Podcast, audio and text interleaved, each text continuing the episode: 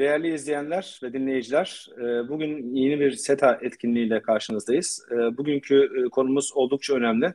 Çünkü bir dönüm noktası diye ifade edebileceğimiz bir günü yaşıyoruz. Şu anda an itibariyle Türk Devletleri Teşkilatı'na dönüşen, eski adıyla Türk Dili Konuşan İşbirliği, Ülkeler İşbirliği Konseyi'nin 8. zirvesi gerçekleştiriyor ve bu 8. zirvede çok önemli kararlar alınacak. 2040 vizyon belgesinin yanı sıra e, teşkilatın da konseyin de adının e, Türk Devletleri Teşkilatı olarak değiştirilmesi e, söz konusu. Aynı zamanda Türkmenistan'ın da uzunca yıllar süren e, sürekli tarafsızlık statüsünün devamına rağmen gözlemci olarak e, bu konseye katılması, bu zirveye katılması oldukça önemli. Bugün e, Türk dünyasını ve Türk konseyini, özellikle bu zirveyi e, dört değerli e, konuşmacıyla, uzmanla konuşacağız. E, öncelikle kendilerine teşekkür ediyorum. E, kimler var uzmanlarımız olarak? Birincisi Türk Konseyi'nin aslında mutfağında uzunca yıllar emek vermiş olan e, ve şu anda yine aynı şekilde hem akademik olarak hem de gönül olarak e, bu alanda e, desteklerini sürdürmeye devam eden Profesör Doktor Fırat Purtaş var Hacı Bayram Veli Üniversitesi'nden. Fırat Hocam hoş geldiniz. Hoş bulduk Ferhat Hocam. Çok teşekkür ediyorum güzel sözleriniz için. Biz teşekkür ederiz hocam, hocam sağ olunuz. Ee, diğer konuşmacımız yine e, Türk dünyasıyla yakından ilişkili. Yakın bir zaman içinde e, Kırgızistan'la ilgili de e, Türk Dünyası Vakfı yayınlarından Kırgızistan'la ilgili kitabı çıkan ve şu anda da yine e, Türk devletlerinden bir tanesinde Azerbaycan'da Bakü'de e, Bakü Devlet Üniversitesi Türk Dünyası Fakültesinde ki fakültenin adı da bu anlamda anlamda dekanlık görevini sürdüren e, Profesör Doktor Mehmet Yüce konuğumuz. Teşekkür ederim hocam. Hoş Sağ geldiniz olun, hocam. Olun. Teşekkürler. Hoş bulduk. Ee, bir diğer konuğumuz yine e, Türk dünyasıyla e, yakından ilişkili e, bu konuyu uzunca yıllardır çalışan, bölgede görev yapan ve şu anda da aslında e, iki şapka birden taşıyan hem e, Bolu Abant İzzet Baysal Üniversitesi Uluslararası İlişkiler Bölümünde e, ama hem de e, yeni bir şekilde İbn Haldun Üniversitesi Haydar Aliyev e, ve Avrasya Araştırmalar e, Merkezi'nde bilemiyorum tam doğru söyledim mi birazdan kendisi e, tahsih eder Profesör Doktor Yaşar Sarı hocamız da bizimle birlikte. Davetiniz için teşekkür ederim. E, merkezin ismi Haydar Aliyev Avrasya e, Uygulamalar ve Araştırmalar Merkezi. Şeklinde. Evet. Teşekkürler. Sağ olun hocam. Siz de hoş geldiniz ve hayırlı olsun yeni görevinizde. Ee, bir diğer konuğumuz da biraz sonra aramıza katılacak. Ee, yine e, Türk dünyasıyla, Türkiye ile yakından ilişkili e, bir Türkiye mezunu aynı zamanda. Azerbaycan e, Uluslararası İlişkiler Analizleri Tahlili Merkezi'nde e, şube müdürü olarak görev yapan Doktor Cavit Veli'ye birazdan aramızda olacak. Bütün konuklarımıza hoş geldiniz dedikten sonra e, müsaadeniz olursa ben Fırat Hoca ile başlamak istiyorum. Çünkü kendisi aynı zamanda Türk Konseyi'nin biraz önce de ifade ettiğim gibi mutfağında uzunca yıllar emek verdi. Bu anlamda e, Türk Soy'un e, genel sekreterliği, yanlışsam lütfen hocam beni düzeltin. Türk Soy'un genel sekreterliği görevinde uzunca yıllar bulundu ve e, Türk Konseyi'nin önemli bileşenlerinden birisi olan bu e, Türk Soy'da da e, önemli faaliyetlerde bulundu. Ve yine dediğim gibi görev sonrasında da yine aynı şekilde Türk dünyasına devam ediyor. Tabii bu arada e, Fırat Hoca'ya başlamadan önce şunu da belki belirtmemde yarar var. Biz de e, SETA olarak Kriter Dergisi'nde e, bu sene e, Türk Dünyası Birlikte Güçlü başlığıyla e, Türk Konseyi Genel Sekreteri Sayın Bağdat Amreyev ile söyleşimizi içeren ve yine bugün konuşmacı olan e, çoğu hocamızın da e, değerli katkılarının bulunduğu bir özel e, sayı çıkarttık. Dosya konumuzda Türk dünyasıydı ve e, ilk genel sekreteri olan konseyin Halil Akıncı'dan başlayıp şu anki genel sekreteri e, Sayın Bağdat Amrayev'le söyleşiyle devam eden e, içerikte Türk dünyasıyla ilişkili birçok e, sayıyı, yazıyı içeride yer verdik. Fırat Hocam da yine aynı şekilde katkı sunan hocalarımızdan bir tanesi. Ayağın tozuyla Özbekistan'a gitmeden önce sağ olsun katkısını sundu. Fırat Hocam e, şöyle başlayalım isterseniz. E, Türk Konseyi'nin gelişimine birebir şahitlik eden e, az sayıdaki kişiden bir tanesi, birisisiniz siz aynı zamanda. Türk Konseyi, özellikle de Türk Soy nasıl bir evrim geçirdi? Yani siz ilk görev başladığınız dönemden veya gözlemlemeye başladığınız dönemden günümüze bir kıyaslama yaparsanız ne söyleyebilirsiniz? Evet, çok teşekkür ediyorum Ferhat Hocam. Bu çalışmalarınızdan dolayı sizlere de çok teşekkür ediyorum ve tebriklerimi sunuyorum. Ee, benim 2008 ile 2019 yılları arasında Uluslararası Türk Kültürü Teşkilatı Türk Soy'da Genel Sekreter Yardımcılığı görevim oldu. Ancak e, Sovyetler Birliği'nin dağılması süreci ve Türk Cumhuriyetlerinin bağımsızlığı sürecinin de canlı tanıklığını yaptık ki e, 1990 ile 94 yıllar arasında üniversite öğrencisiydim. E, öğrenciliğimizde de bu değişim e, yeni bağımsız devletlerin ortaya çıkması, Türk dünyası kavramının yaygınlaşması ki o dönemde e, Türk dünyasında Karabağ Savaşı gibi, e, Bosna e, Savaşı gibi, daha sonraki yıllarda Çeçenistan Savaşı gibi e, krizler de yaşanıyordu ve e, bir e, toplumsal e, ruh vardı. Gerçekten biz o dönemi e, yoğun bir şekilde yaşadık. E, ve 90'lı yılların e, o kurultaylarını e, Demir ve e, işte Çekiç'le e, Ergenekon'dan çıkışın sembolize edildiği o kurultaylara da bizzat iştirak ettik. E, 1992 yılında e, tam da 29 Ekim Cumhuriyet Bayramı'nın yıl dönümünde Ankara'da e, birinci Türk dili konuşan ülkeler devlet başkanları zirvesi düzenlendi. E, o zirveye ilişkin basında olumlu olumsuz pek çok haberler e, yayınlandı ki bazı basma kalıp düşünceler, ön yargılar e, geçen 29 yıl içerisinde 19 defa bu nitelikte zirveler düzenlenmesine rağmen bu e, basma kalıp ön yargılı düşüncelerin bazıları e, hala devam ediyor diye de e, söyleyebilirim. E, tabii ki e, Türk uluslararası ilişkiler öğrencisi olmuş. Daha sonra e, akademik çalışmalarını bu alanda yürüten e, bir akademisyen adayı olarak e, bütün bu e, gelişmeler bizim ilgi alanımızdaydı ve e, takip ediyorduk. E, ancak bizzat Türk dünyasının bütünleşmesi için e, faaliyet gösteren bir uluslararası kuruluşta görev yapmak, e, bu sürecin içerisinde fiilen yer almak hem olaylara bakış açımızı değiştirdi hem de e, bazı gelişmeleri bizzat gözlemleyerek doğrudan takip etme imkanı e, elde ettik. E, bu çerçevede şunu söyleyebilirim. E, Türk devletler arasındaki karşılıklı çıkar, eşitlik, egemenliğe saygı e, çerçevesinde devam eden işbirliği süreci gerçekten böyle adım adım e, ilerleyen ve e, istikrarlı bir şekilde, e, kesintisiz bir şekilde günümüze kadar yapılan çalışmaların neticesinde varılan bir süreçtir. Sizin de girişte bahsettiğiniz gibi bugün 12 Kasım tarihi e, Türk dünyası bütünleşmesi açısından bir dönüm noktası olacaktır. Nasıl 3 Ekim 2009 Nahçıvan Deklarasyonu bir dönüm noktası olduysa e, biz 12 Kasım tarihinin de e, Türk Konseyi'nden Türk Devletleri Teşkilatı'na e, geçiş tarihi olarak ayrıca kaydedeceğiz. E, bu çerçevede aslında bu zirveleri şu anlamı taşıyor. Geçen 29 yıl içerisinde ortalama bir buçuk yılda bir bir araya gelen çok taraflı bir şekilde bir araya gelen devlet başkanları ortak gelecek doğrultusunda güçlü bir irade ortaya koydular. Güçlü bir irade sergilediler. Türk dünyasının geleceğinin birliktelikten geçtiğini vurguladılar. Bugün artık Türk dili konuşan ibaresi de ortadan kalktı. Artık Türk devletleri ibaresi net bir şekilde kabul edildi. Bütün bunlar tabii ki kolay olmadı. Yani şimdi basit bir isim değişikliği gibi görmemek lazım. Ee, bu kararlılık, bu güçlü irade toplumlara da e, ve diğer kurumlara da e, yol gösterdi, bir e, vizyon verdi. E, hem sivil toplum kuruluşları hem üniversiteler hem diğer konularda çalışan devlet kurumları ticareti canlandırmak için faaliyet gösteren iş adamlarımız bu güçlü iradeden cesaret alarak aslında e, faaliyet gösterdiler. Gerçekten şunu da ifade etmek isterim. E, her ne kadar bağımsızlığını yeni kazanmış olsa da ve bir e, siyasal dönüşüm süreci e, içerisinde bulunsalar da e, Türk Cumhuriyetleri ile Türk, Türkiye arasında sivil toplum alanında da güçlü bir etkileşim var, güçlü bir e, işbirliği evet. var. Öbür taraftan e, Türk Konseyi e, artık Türk Devletleri İşbirliği Örgütü e, ulaştırma alanında, ticaret alanında pek çok önemli faaliyet gösteriyor ama en çok öncelik verilen konulardan bir tanesi de eğitim, kültür ve gençlik. Yani işbirliği konularına bakın. En çok gençliğe e, yönelik yapılan çalışmalar var.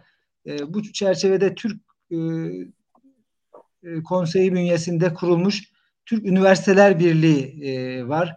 Önümüzdeki süreçte evet. e, Türkistan şehrinde kurulan Hoca Ahmet Yesevi Üniversitesi ki Türkiye'nin ilk uluslararası üniversitesi yani bu noktadaki ilk e, tecrübesi bu e, Türk Üniversiteler Birliği'nin dönem başkanlığını yürütüyor ve bir Orhun değişim programı e, yürütülüyor. Bunun etkin bir şekilde hayata geçirilmesi konusunda e, çalışmalar söz konusu. E, şunu e, evet. e, ifade etmek istiyorum. E, Türk Konseyi nasıl geçen 30 e, yıllık süre içerisinde e, tam teşekküllü bir örgüte dönüştü. Bu işbirliği her alanda gelişti. E, aynı istikrarlı e, süreç devam ettirildiği takdirde e, muhtemelen bir 30 sene sonra Avrupa Birliği'nin ulaştığı düzeye e, ve daha e, her açıdan e, politikaların birbirine yakınlaştığı, ekonominin entegre olduğu, toplumların birbirine yakınlaştığı bir e, bütünleşme düzeyine ulaşacağımıza inanıyorum. Evet. Bu çerçevede bu çerçevede e, belki karşılaştırma yapmak açısından e, Türk modelinin ve Türk devletleri arasındaki işbirliğinin bölgeye ne kadar istikrar ve e, refah getirdiği hususuna dikkat çekmek istiyorum. Mesela bölgede her ne kadar rakip e, devlet olarak görse de ki Türkiye bu konuda e, aynı yaklaşımı e, savunmuyor. Türkiye e, genelde bütün e, bölgeyle ilgili e, üçüncü taraflarla da işbirliği yaklaşımını savunuyor. Bugün Rusya'nın e, kardeş cumhuriyetleri olarak adlandırdığı Ukrayna ile Belarus'la, Ermenistan'la işbirliklerine baktığımızda ne kadar e, problemler olduğunu görüyoruz.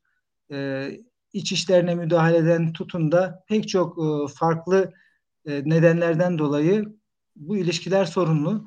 Ama Türkiye e, yine eski Sovyet Cumhuriyeti olarak adlandırılan Türk devletleriyle bu işbirliğini eşitlik, egemenlik ve karşılıklı çıkar doğrultusunda pragmatik bir temelde ve herkese kazandıracak anlayışla e, yürüttüğü için ve bölgeyle ilgili diğer e, küresel ve bölgesel güçlerle de çatışmaya girmediği için sıfır toplamlı oyundan kaçındığı için tam tersine onları da bu işbirliklerine dahil etme yönündeki yaklaşımı sayesinde bugün e, bu işbirliği bu düzeye geldi ve e, bu işbirliği sadece Türk Konseyi, Türk Devletleri İşbirliği Örgütü'nün üye üyelerine e, kazandırmıyor.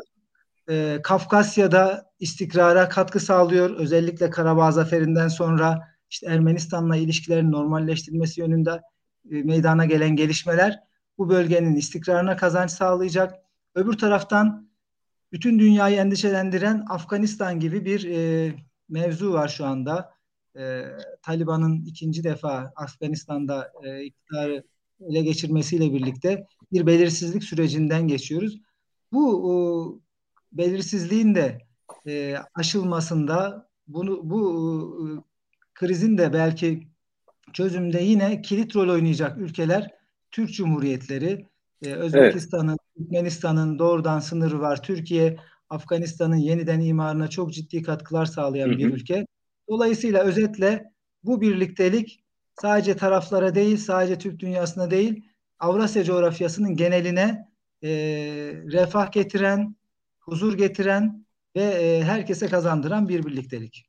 Evet hocam çok teşekkürler. Şimdi e, gerçekten bakıldığında e, Türk Konseyi e, tarihte belki de Türkler arasında gönüllülük esasına dayalı kurulmuş olan ilk çatı işbirliği teşkilatı. Bu anlamda e, oldukça önemli. Ama bu arada şeyi hatırlatmak isterim. E, dinleyicilerimizin soruları varsa e, kullanmış oldukları, izlemiş oldukları platformlardan, YouTube'dan, e, Facebook'tan, Periskop'tan sorularını e, yanıt e, sorabilirler. Doğrudan doğruya hangi hocaya sorduklarını belirterek biz de memnuniyetle e, sorularına e, yanıtlar ararız e, panelimizin sonunda soru cevap kısmında. Şimdi e, evet Türk Konseyi e, gönüllülük esasına dayalı ve sizin bir ifadeniz oldukça önemliydi. Yani Rusya'nın bağımsız devletler topluluğu veya eski Sovyet Cumhuriyetleri kurduğu ilişkiden farklı bir dinamik var. Ve bu dinamik e, bazılarına göre e, eleştirel bir açıdan e, çok yavaş ilerliyor. E, bense bunun tam tersi düşüncedeyim. Yani emin adımlarla ve sağlam bir şekilde ilerleme söz konusu. Siz e, gerçi ipucunu verdiniz. Yani bundan e, 30 sene sonra e, farklı bir formatta Avrupa Birliği belki de ondan daha ileri bir düzeyde entegrasyona doğru e, gideceğini ifade ettiniz. Ben de bunu bunu soracaktım hocam. Yani bu e, Türk dünyasında e, şu anda Türk devletleri arasında kurulan bu işbirliği yaklaşımının bir adım daha öteye gitmesine yönelik öngörünüz nedir? Nasıl bir ilerleme sağlanabilir? Özellikle hangi alanlar burada öne çıkmaktadır? Evet. Ee, çok teşekkür ediyorum. Öncelikle şunun altını çizmemiz lazım. Bugünkü haliyle e, Türk Devletleri Teşkilatı supranasyonel bir nitelik taşımamakta. Yani bu yapı içerisinde devletlerin egemenliklerinden vazgeçmesi ya da herhangi bir devletin diğerlerinin e, e, davranışlarını yönetmesi gibi bir şey söz konusu değil. Burada bir bölgesel işbirliği e, söz konusu. E, ticaretin önündeki engellerin kaldırılması hedefleniyor. Henüz daha serbest ticaret rejimi dahi işte kurulabilmiş değil. Bu noktada önemli çabalar söz konusu. E, bugünkü zirveden beklenen önemli kararlardan bir tanesi de bir kalkınma ve yatırım bankasının kurulması ki muhtemelen e, bu zirvede de belki gerçekleşemeyebilir. Daha sonraki e, dönemlere bu konu havale edilir. Çünkü çok ciddi bir konu. Bu ortak yatırım ve kalkınma bankasının kurulması teklifini daha 1992'de dönemin Cumhurbaşkanı Turgut Özal Ankara'daki zirve toplantısında dile getiriyor. İşte ortak pazar kurulması e, işte teklifi var. Hatta e, eleştirildi bu teklifler. Dedi ki ayağa yere basmayan romantik tekliflerdi. Halbuki e, bu bir vizyon veriyordu. Yani bugünü daha e, iyi, bugün biz bunu daha iyi anlıyoruz. Şimdi bütün bunlar sağlanırsa işte ortak yatırım bankası üzerinden e, ne bileyim Kırgızistan'da e, hidroelektrik santralleri ortaklaşa inşa edilebilirse ki bu konuda Özbekistan'ın da e, çok e, güçlü destek talepleri, destek açıklamaları oldu son dönemde. E, bu bölgedeki kaynaklar çok çok daha etkin kullanacaktır. Sonra biliyorsunuz Hazar geçişli ulaştırma projeleri var. Henüz daha bunlar tam olarak hayata geçirilmedi. E, hala hazırda e, Azerbaycan'la Türkiye arasında petrol boru hattı, doğalgaz boru hattı, demir yolu hattı faaliyette. Şimdi bu e, projelere Kazakistan'ın, Türkmenistan'ın, Özbekistan'ın katılması gün, e, söz konusu. E, biliyorsunuz bu senenin başında Azerbaycan'la Türkmenistan Hazar'daki tartışmalı doğalgaz yataklarını birlikte işletme kararı aldılar. Dostluk e, yatakları olarak bu bölgeyi adlandırdılar ve buradaki doğalgazı, petrolü birlikte işletme kararı aldılar. Bu sadece bir sınır sorununun çözümü e, olarak da değerlendirilmemeli. Bu sayede belki Türkmenistan doğalgazını e, TANAP üzerinden, TAP üzerinden Avrupa piyasalarına ulaştırma imkanı elde edecek. İşte evet. bütün bu bahsettiğim e, hedeflere yaklaşıldığı ölçüde yani bu Hazar geçişli ulaştırma projeleri tamamlandığı takdirde işte bizim ortak projelerimizi finanse edecek e, yatırım ve kalkınma bankası aktif bir şekilde kullanılmaya başlandığı takdirde e, biz evet. ortak pazarı yaratabileceğiz ve e, zaten bizim e, bu ortaklığımız paylaştığımız e, tarih, dil, inanç e, e, temelinde yükseliyor. Çok sağlam bir zemine e, oturmuş. Bir de bunun üstü, üzerine işte ticari ortaklık eklenirse, ekonomik e, ortaklık eklenirse ki bu noktada hemen hemen bütün e, devletlerin de beklentileri var bu konuda. E, beklentilerini dile getiriyorlar. Özellikle Özbekistan bu süreçte daha e, önde yer alıyor. Ee, Taze bir aktör olarak devreye girmiş Bahsettiğimiz işte serbest dolaşım, insan hareketliliği, e, mal ve sermayenin hareketliliği zaten kendiliğinden doğal süreç içerisinde gerçekleşecektir. Bunu dikte ettiğinizde mesela e, Rusya'nın öncülüğünde Avrasya Ekonomik Birliği diye bir gümrük birliği var. Ancak bu dikte edildiği için çok iyi hesaplanmadan e, belki de aceleye getirildiği için şu anda pek çok e, problemle karşılaşılıyor bu yapı içerisinde. Hatta evet. çok e, manidardır bu örneği de vermek istiyorum. Daha e, iki gün önce 8 Kasım'da e, Rusya Dışişleri Bakanı e, Sergey Lavrov'un Rasiskaya gazetada Kazakistan-Rusya ilişkilerine dair bir makalesi yayınladı. Ve bu makale tehdit içeren e, ifadeler yer alıyor bu makalede. Diyor ki Kazakistan'da işte e, Rus dillilere ve Rusça'ya yönelik e, yabancı düşmanlığından rahatsızlık duyuyoruz. Halbuki yani olmayan bir şey, sorunu e, dillendirmek ki bu tabii ki diplomatik nezaketin de çok çok e, ötesinde. yani dışında ötesinde bir e, e, yaklaşım.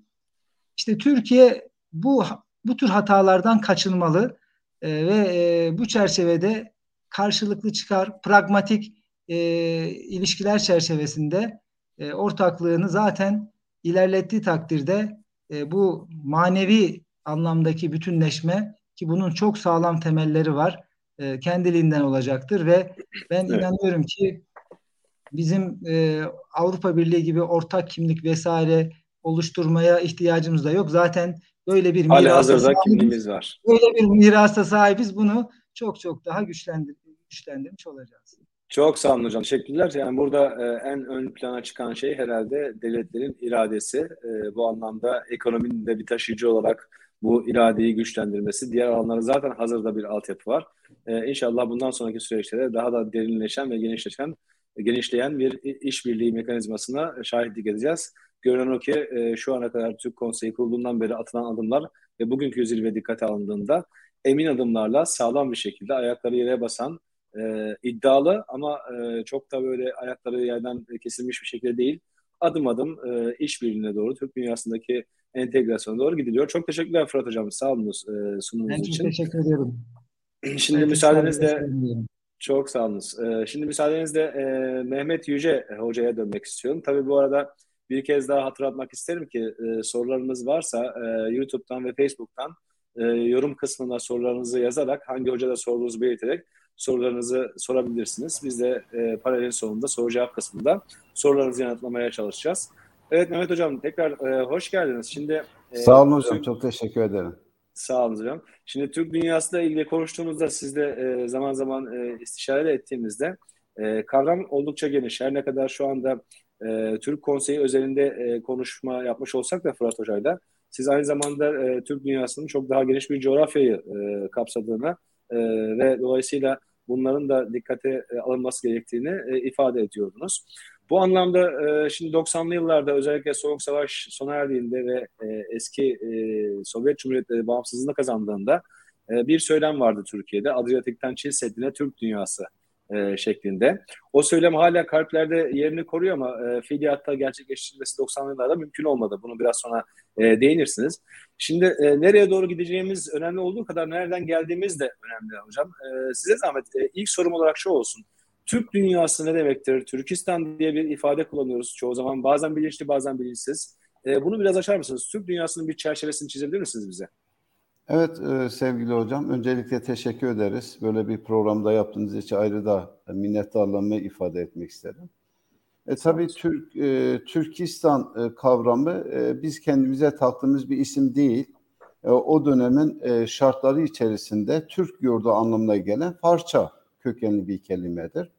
E, Türk yurdu anlamına gelir ve çok e, bir yerin yurt edilmesi de malumunuz 5-10 seneyle olmuyor. Çok geniş bir zaman dilimle yayılıyor.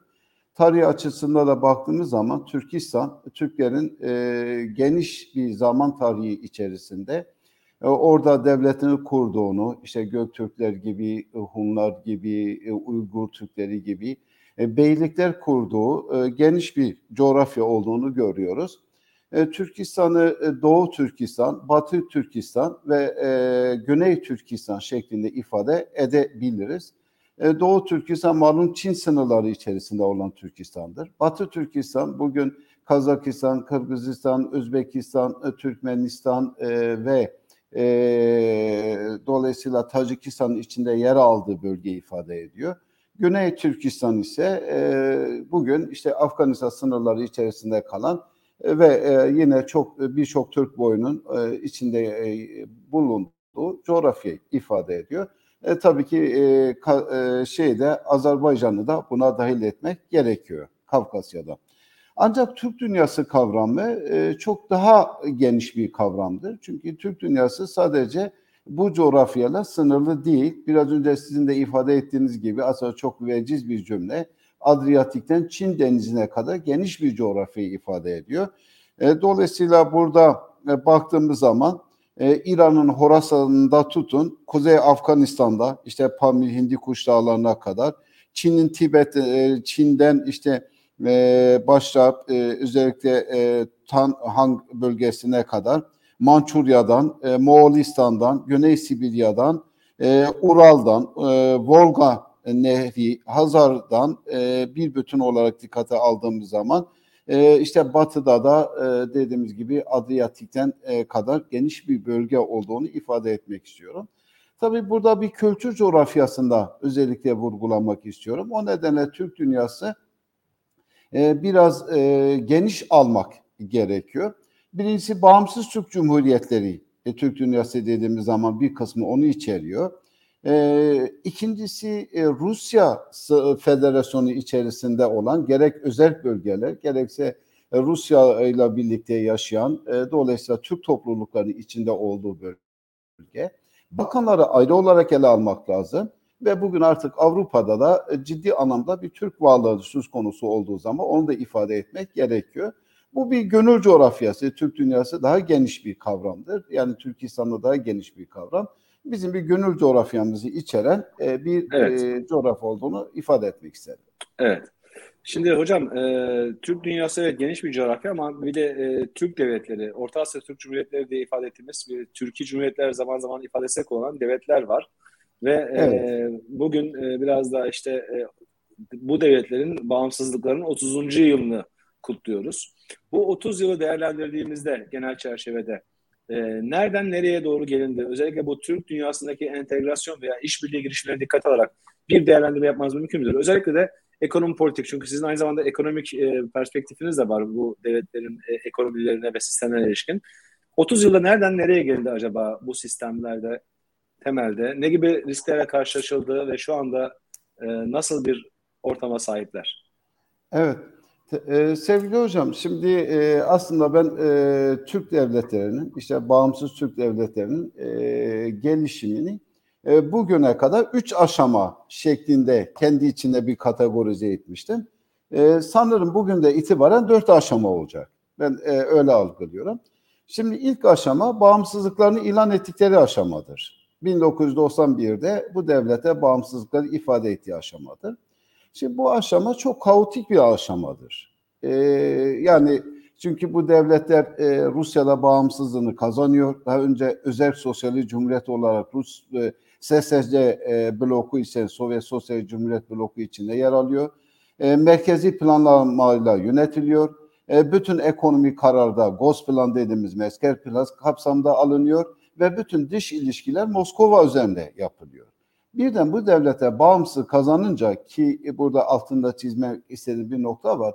E, bu cumhuriyetlerin eski bir devlet e, yönetme geleneği de yok. Zaten 1924'te Türkistan coğrafyasının e, bölüşülmesi e, e, projesi çerçevesinde cumhuriyetlere ayrılmış yani. E, bu nedenle ilk dönem çok kaotik dönemdir. Çünkü bütün e, sistem Rusya'ya göre kurgulanmış, Sovyetlere göre kurgulanmış e, Sovyetler'de dağılınca ortada kalmış. Hatta mesela Kazakistan'da e, Merkez Balkan'daki para bile gelmemiş. Aynı şekilde Kırgızistan'da da öyle. Özbekistan'da yatırımlar duruyor. Yani bütün ekonomik duruyor. E, bu dönem e, siyaset açısına da baktığımız zaman aslında e, bu dönem e, çok heyecanlı bir e, dönemdir. Dolayısıyla o cumhuriyetler hem dünya ile entegre olmak istiyorlar hem Türkiye ile entegre olmak istiyorlar. Türkiye ile işbirliği geliştirmek istiyorlar. Ve bu dönem biraz idealist bir dönemdir. E, biraz hissiyatın ön planda olduğu duygusal bir dönemdir. E, Birçok e, çalışmaların temeli de bu dönemde atılıyor. Fakat bu cumhuriyetler e, özellikle sosyalist ekonomik sisteminde liberal ekonomi sistemine geçerken e, tabii ki asıl sıkıntılarla karşılaştıkları dönemdir. İkinci dönem dediğimiz dönem özellikle bu 3-4 sene sonra bu süreç e, başlıyor. Bu cumhuriyette her birisi kendi gerçekleriyle, kendi iş dinamikleriyle karşılaştıkları dönemlerdir. Bu dönemlerde e, dağılmış ekonomi toparlama ve kendi iş dinamikleri farkında olma ve yeniden uluslaşma sürecinin başladığı bir dönemdir. O nedenle bu dönemde her bir devlet kendi e, iş dinamikleri esasına göre büyümeye çalışıyor. Örneğin diyelim ki işte e, Özbekistan e, e, biraz liberalleşmeye karşı mesafeli. E, şeyin de dediği gibi dönemin Cumhurbaşkanı Kerimov'un da dediği gibi yeni evi yapmadan eski evi yıkmamak projesi ön planda olan Batı'yla biraz daha yakın e, fakat e, yine e, mesafeli duran e, dolayısıyla sistemi tamamen bozmamak ve ıslah etmek üzerine kuran bir yapı. Kırgızistan ve Kazakistan bunlar e, şok terapi yöntemleri uygulayan hızlı ekonomik geçiş yapmak isteyen ülkeler. E, Türkmenistan malumunuz zengin enerji yatakları var. Devletin gücü yetersiz. Buna karşı kendi gö- güvence altına almak üzere işte e, tarafsız devlet sıfatını alıp dolayısıyla bölgeye karşı biraz daha mesafeli bir yaklaşım sergileyen ama tek sahip olduğu yeraltı kaynağı ciddi enerji bakımında Rusya e, bağlı olan ve dünya fiyatının çok daha altında Rusya e, enerji satan bir ülke konumunda. Şimdi Türkiye ilişkilerine geldiğimiz zaman biraz önce Fırat Hocam da ifade ettiler. Şimdi bu dönem her bir devlet aslında kendi iş dinamikleri farkına vardı. İlk dönemdeki o kendi aralarında ve Türkiye ile olan duygusal ve idealist politikalar yani biraz daha realist ve sakin bir politika bıraktı. Çünkü burada e, devletler e, işte Rusya da aslında e, bir nevi kendine döndü o dönem içerisine. E, bu devletlerin birçok sorunları var. Dolayısıyla Türk temelli bir yapılandırmanın e, Rusya'yı kendilerine musallat edeceklerini ve hatta Rusya'nın kendi üzerine baskı kuracaklarını düşüncesi de biraz egemen oldu ve biraz daha e, kültürel ve ekonomik ilişkiler ön plana çıktı. E, üçüncü dönem dediğimiz dönem özellikle e, bu devletlerin kendi toparlamasıyla e, bilhassa e, Kazakistan'ın da destekleriyle bölgesel birlikte işte Merkezi Asya Birliği, e, Borborluk Asya Birliği dedikleri e, dönem başladı. Ee, Özbekistan'da yine e, Şevket Mirzoyev'in başa gelmesiyle daha liberal politika izlemesi ve Türk dünyasına daha sıcak davranmasıyla e, yeni bir dönem başladı. Bu dönemde özellikle benim şahsi kanaatim e, Türkiye'nin e, uluslararası arenada güçlenmesiyle bu devletleri de e, Türkiye ile birlikte hareket etme ve işbirliği geliştirme yönünde bir e, irade doğdu. Ve bir de belki de e, iletişimin e, fazla yaygınlaşması ve Fırat Hocam'ın da dediği gibi gençler üzerine olan etkiler ve bunlarla ilgili eğitimler ülke kamuoylarının bu cumhuriyetlerin birlikte hareket etme e, arzusu ön plana çıktı. Belki de ikinci dönemde bu arzulanan e, işte uluslaşma süreci belli bir noktaya geldi. Çünkü her bir devlet biraz ulusal kimlik kazanma düşüncesi ön plandaydı. Bu uluslaşma da belki bir merhale geldi. Artık kendi kimliklerini tanıdıktan sonra daha ileri seviye bir işbirliği gerçekleştirme e, projesi gündeme geldi. E, bu konuda tabii ki e, özellikle bölge ülkelerinde Kazakistan ve Özbekistan'ın e, üstleneceği rol çok önemliydi. Bunları yaklaşımı çünkü bunlar Orta Asya'nın merkezinde olan ülkelerdi. Zaten Türkiye ile e, Azerbaycan'da ilişkileri her zaman e, daha e, gerek coğrafi yakınlık, e, gerek stratejik yakınlık, e, gerekse dilin birbirine daha çok yakın olması e, bu e, e, ülkeleri e, daha e, sıkı bir işbirliğine girdi. Şimdi yeni bir dönemde özellikle bana kalırsa, evet benim şahsi e, düşünceme göre e, Karabağ Savaşı bir e, yani bir milat oldu. Çünkü burada görüldü ki iki Türk Cumhuriyeti bir araya geldiği zaman, güçlerini birleştirdikleri zaman e, beklenmeyen sorunlara çözüm getirebileceği düşüncesi yayıldı. Çünkü bu sorunların temeline baktığımız zaman aslında bu sorun geçmişin mirası olan belki bilinçli e, olarak e, tesis edilmiş olan sorunlardır ve her ülkeyle ilgili bu sorun vardır. Sınır sorunu vardır, anklav sorunu vardır, e, yine ekonomik entegrasyonlarda kaynaklanan sorun vardır. Ee, yine biraz önce hocamın da bahsettiği gibi e, Rus nüfusu sorunu vardır, göç sorunu vardır ve bu sorunların çözümünün e, ancak e, bu devletlerin kendileriyle ve Türkiye ile işbirliğiyle gerçekleştirebileceği, çözebileceği konusunda kamuoyunda ciddi e, bir algı oluştu. Ve bu algının da belki tesiriyle e, özellikle bunun siyasi irade tarafında e, doğru okunmasıyla e, bugün itibariyle yeni bir döneme girildiğini düşünüyorum. Çünkü burada evet. artık Türk Devletleri Birliği gündeme geldi. Türk Devletleri Birliği ile artık e, Türk Konseyi'nin sosyal ekonomik içerikli konulardan Türk Devletleri Teşkilatı dediğimiz biraz daha da siyasi işbirliğinde içine girdiği yeni bir şekillenmenin başlangıcı olduğuna inanıyorum. Evet hocam teşekkürler. Peki e, bu yeni bir başlangıçta Türkiye'nin pozisyonu ne olacaktır size göre? Türkiye'nin rolü nasıl bir e, rol olacaktır? Kısa olarak onu da alabilirsen. Tabii tabii. E, bana kalırsa ben iki noktanın altını çizmek istiyorum. Birincisi, bunu sürekli ben ifade ettiğim bir konu var. Türk devletleri arasında ekonomik işbirliğini gelişebilmesi için, istenen seviyeye gelebilmesi için iki şey önemlidir. Birincisi, o e, özellikle e, Türk dünyası ve da Türk Cumhuriyetleri enerji bakımda ve da altyapı ve da zengin yer altı kaynakları vardır. Bunları değerlendirip birlikte işbirliği yapmak konusunda ekonomik entegrasyon ön plana çıkartmak lazım. İkincisi de Türkiye'nin katma değeri yüksek ürünler yaratması gerekiyor. Yani katma değeri yüksek olan ürünler oluşturulmadığı sürece bunlarla olan ticaretimizde artık gelişmesinin çok da öne e, şey gözükmüyor. Çünkü var olan işler yapılıyor. Mesela bütün Türk Cumhuriyetlerinin ilk beş e, partneri içindeyiz. Ekonomik partneri içindeyiz. Yani gayet durumda iyi ama rakamsal olarak çok iyi değil. İkincisi Türkiye'nin e, burada e, biraz e, olayı e, gerek e, tarihi tecrübelerde, daha önce işte Selçuklu Osmanlı Devleti'nin de mirası e, varisi olması durumda edindiği tecrübeler, Avrupa'da edindiği tecrübeler, Avrupa Birliği'nde edindiği tecrübelerde kullanarak bu entegrasyonu itici gücü e, olması gerekiyor. Ama bu itici gücüyle de özellikle e, Balkan, e, özür dilerim, özellikle Orta Asya'da e, Kazakistan ve Özbekistan'ı öncelemesi lazım. Kazakistan ve Özbekistan'ın burada rol oynaması lazım. Çünkü onlar Orta Asya'nın e, itici gücüdür. E, Kafkasya'da Azerbaycan'ın e, bir inisiyatif üstlenmesi lazım. E, bunlarla e, kurulacak olan e, bir e, enter, e, şey belki koordinasyon, e, güçlü bir işbirliği e, Türk dünyasının dinamosu haline gelecektir. Yine e, hocamı da vurguladığı gibi bu cümleyi de söyle, e, söyleyeyim hocam e, müsaadenizle. E, çünkü burada e, eşitlik ilkesi çok önemlidir. Yani abilik veya da Rusya gibi ben sizi yönettim. Dolayısıyla bundan sonra da e, sizlerin e, işte e, e, egemenliğinize yönelik bir takım e, hareketler, e, politikalar değil e, işbirliği e, çerçevesinde belki bir rehberlik e, dediğimiz Azerbaycan'da dediği gibi bir rehberlik edebilmesi gerekiyor.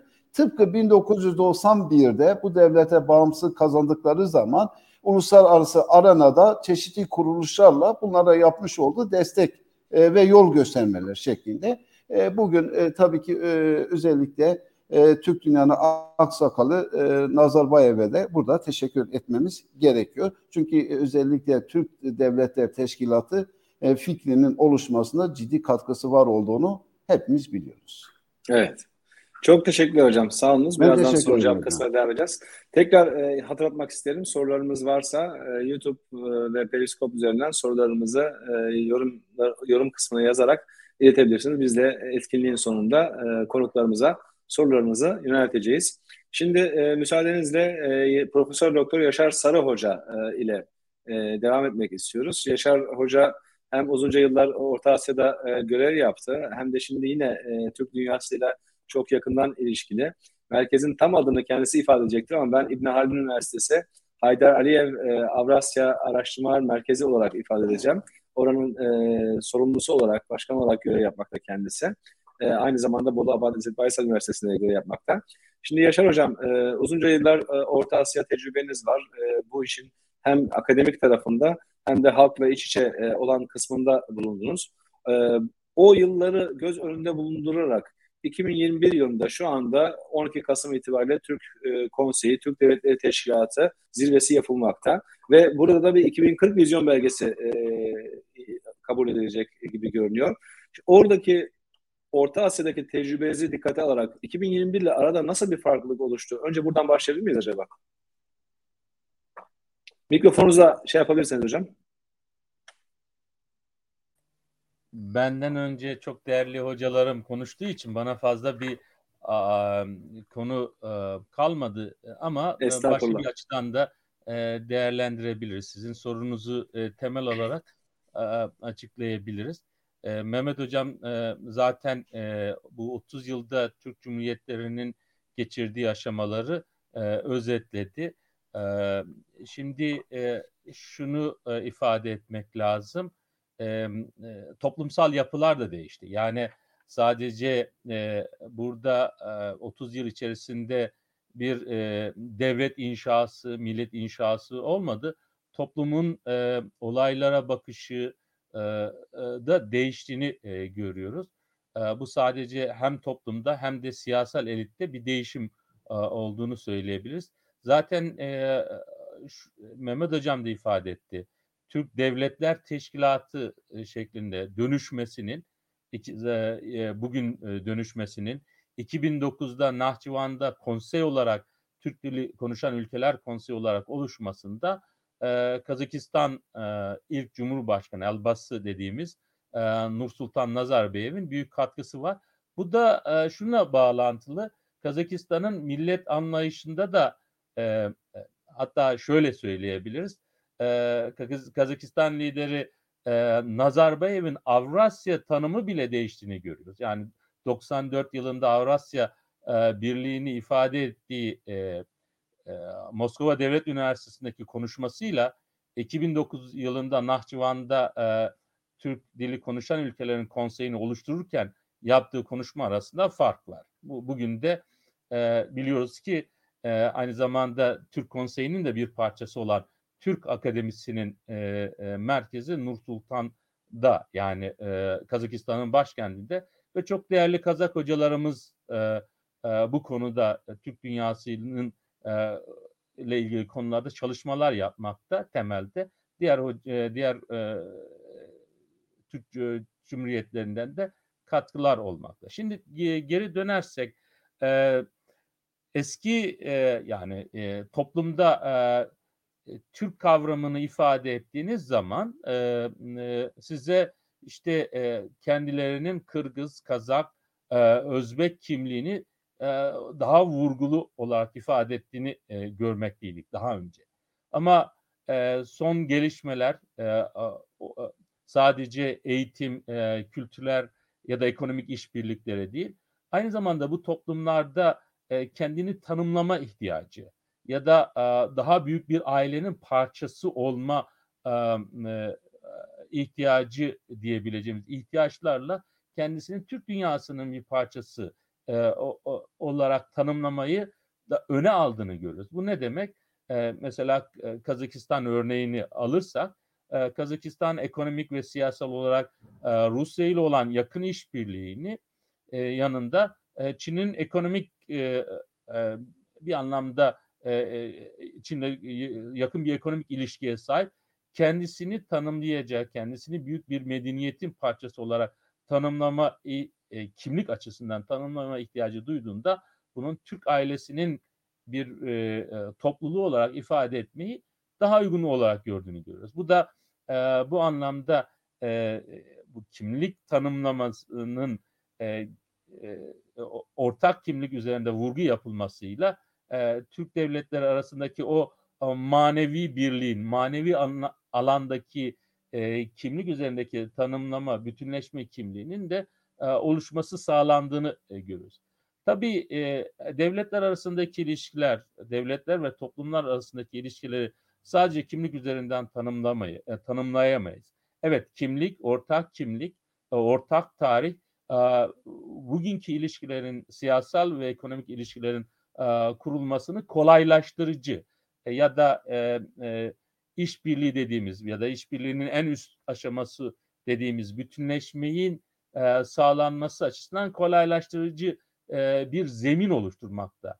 Fakat bunun e, sağlanabilmesi için ekonomik alanda da işbirliklerinin sağlam bir zemine oturtulması lazım. Her ne kadar Mehmet Hocam'ın da belirttiği gibi Türkiye e, Türk Cumhuriyetleri ile e, var olan ticari ilişkilerde ilk beş ülkeler beş ülkeden biri olmasına rağmen bu e, ticaretin ekonomik ilişkilerin niteliği ve boyutu itibariyle beklenen bir e, yapıda değil. Şimdi e, bunun e, gerçekleştirilmesi önemli. E, zaten e, 2009'da Türk dili konuşan ülkeler konseyi yani Türk e, konseyi ya da Türk Geneşi oluşturulurken e, ekonomik konular da e, gündeme geldiğini biliyoruz. Fakat e, ekonomide her ne kadar 2009'dan bugüne kadar ticari ilişkiler ne kadar hızlı artsa da bu beklentilerimizi gerçekleştirecek e, düzeyde değil. Şimdi şunu da unutmamak lazım. Dünya e, bir küresel yapıya sahip. Yani hem ekonomik ilişkiler olsun, e, siyasal ilişkiler olsun. Bu küresel yapıda hangi konumda olduğunuzla alakalı. Şu da açık.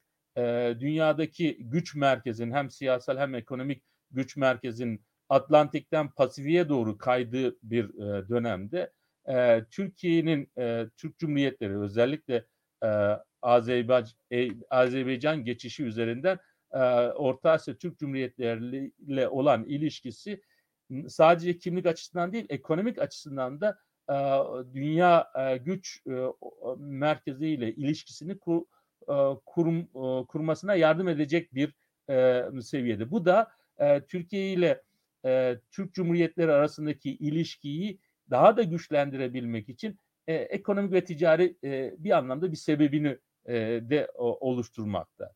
Şimdi sizin sorunuza e, gelince e, ben e, Orta Asya'nın farklı e, şehirlerinde görev yaptım. Sadece e, başkentte değil, başkentlerde değil. İşte e, Kırgızistan'ın Oş şehrinde de e, e, görev yaptım. O şehri Kırgız ve Özbeklerin bir arada yaşadığı, bir anlamda şehrin yapısı itibariyle eski Türk şehirlerine özgü ticari bir yapıya sahip olan bir şehir. Bir bir dönem Türk Türkiye'den gelen kişiler için Türk Türk tanımı yapılırken daha sonra Türk kimliğinin sadece Türkiye'den gelenlerin değil bölge halkının kendisinin ortak kimliğini tanımlamak için de bir e, e, tanımlamak için de bir ifade haline dönüştüğünü gördük. Bunun e, çeşitli sebepleri var.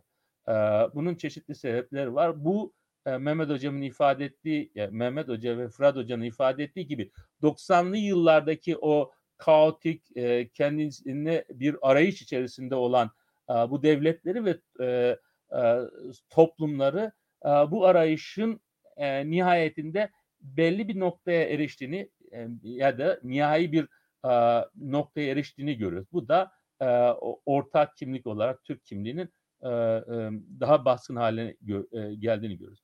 Şimdi ben e, farklı bir açıdan da e, Türkiye ile e, bu Türk e, devletler arasındaki e, ilişkiler üzerine durmak istiyorum. Şimdi, Buyurun hocam. Ben tam ona yönelik soracaktım. Çok isabetli olur. Buyurun hocam. E, şimdi coğrafi olarak 4,5 milyon kilometre karelik yaklaşık bir coğrafyadan bahsediyoruz.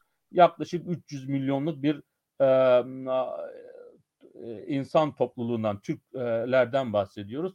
E, yaklaşık da 2 trilyon e, dolarlık bir e, gayri safi milli hasıladan e, bahsediyoruz.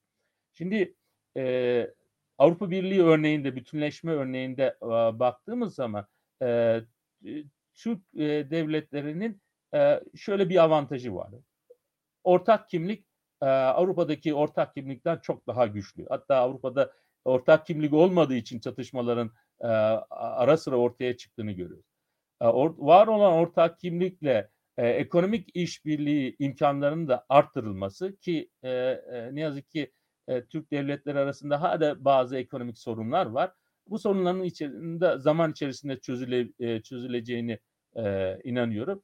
E, Dünya Ticaret Merkezi'nin e, doğuya kayması e, Türkiye'nin de e, hem e, siyasi elitlerinin e, hem de e, devlet kurumlarının dikkatini biraz daha e, doğuya doğru yöneltmesi ve bu anlamda da e, Türk Cumhuriyetlerinin e, bu e, gidişi, bu e, e, bağlantıyı kuracak önemli bir öge haline dönüşmesini sağlıyor. İkinci e, nokta ise e, Mehmet Hocam e, ve Fırat Hocam da bahsetti.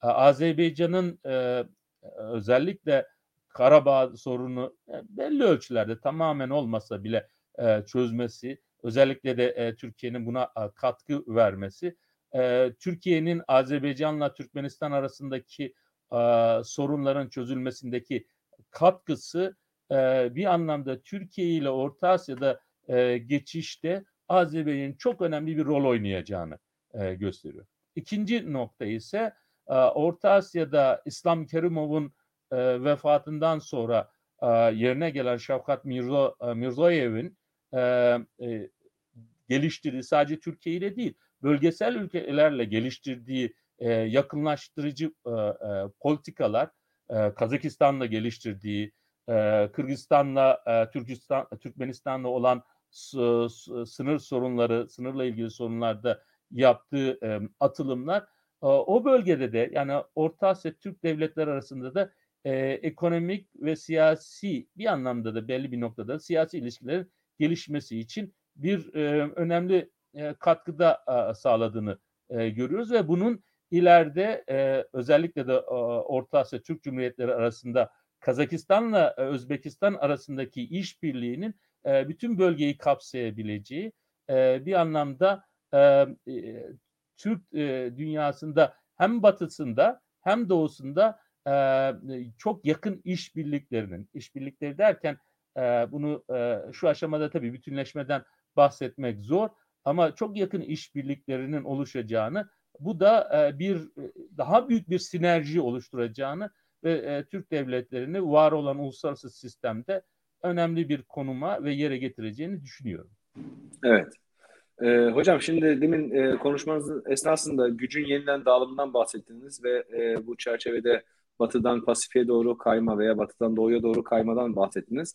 Burada e, genel bir uluslararası ilişki analizi yapmak gerekirse Orta Asya coğrafyasını ve Türk dünya açısı coğrafyasını bilen bir kişi olarak bu güç e, kaymasında veya gücün yeniden dağılımında Türk dünyasının rolü ne olabilir veya Türk dünyasının etkisi ne olabilir sizce?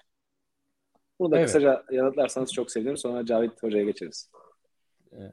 Şimdi e, e, güç dengesinin, güç merkezinin Atlantik'ten e, Pasifik'e doğru kayması e, Orta Asya e, Türk Cumhuriyetlerini e, periferiden yani çevre konumundan e, merkeze yakın e, bir konuma e, getiriyor. Bu da e, Orta Asya Türk Cumhuriyetlerinin ki e, Azerbaycan da çok önemli çünkü batıdan doğuya geçiş noktası e, bizim açımızdan, e, Türkiye açısından sadece Türkiye açısından değil e, batıdaki devletler açısından da önemli bir konuma getiriyor.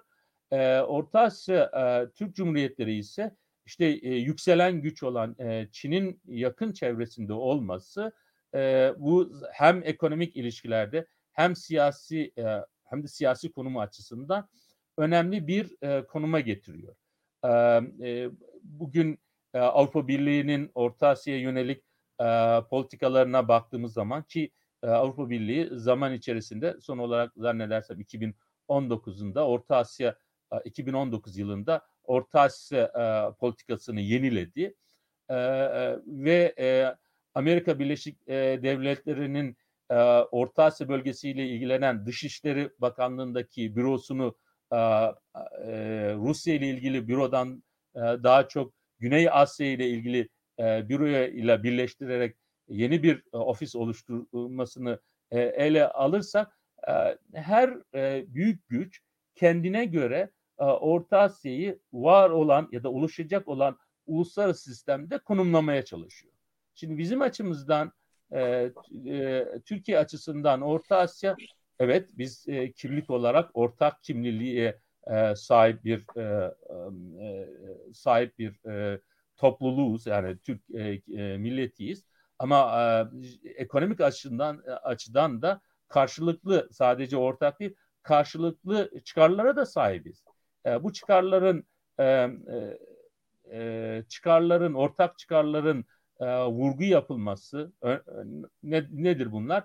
E, hocalarım da bahsetti. E, sadece e, boru hatları değil, e, doğalgazın, e, petrolün sadece Azerbaycan değil, Türkmenistan'ın, Kazakistan'ın petrol ve doğalgazının e, batıdaki piyasaya taşınması değil. Çin'in e, bir kuşak e, şu andaki ismiyle kuşak yol inisiyatifinin de Orta Asya'dan ve e, Türkiye üzerinden batıya e, geçtiğini görüyoruz. Bu anlamda geçiş noktası olarak Orta Asya sanki eski İpek yolunun bir anlamda bir başka bir şekilde canlanması olarak ortaya e, çıktığını görüyoruz. Bu arada e, şunu da söyleyeyim. Bugün Türk Konseyi'nin e, e, çalışma konulardan bir tanesi dijital e, çağda akıllı şehirler, yeşil teknolojiler.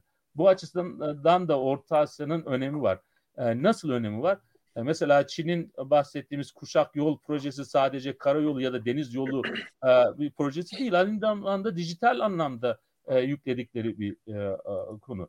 Yeşil e, teknoloji, evet. yeşil kalkınma diplomasi e, biliyoruz ki Orta Asya ülkelerinin bir kısmı e, e, önemli miktarda su kaynaklarına sahip. Bir kısmı ise o su kaynaklarına e, ihtiyacı var.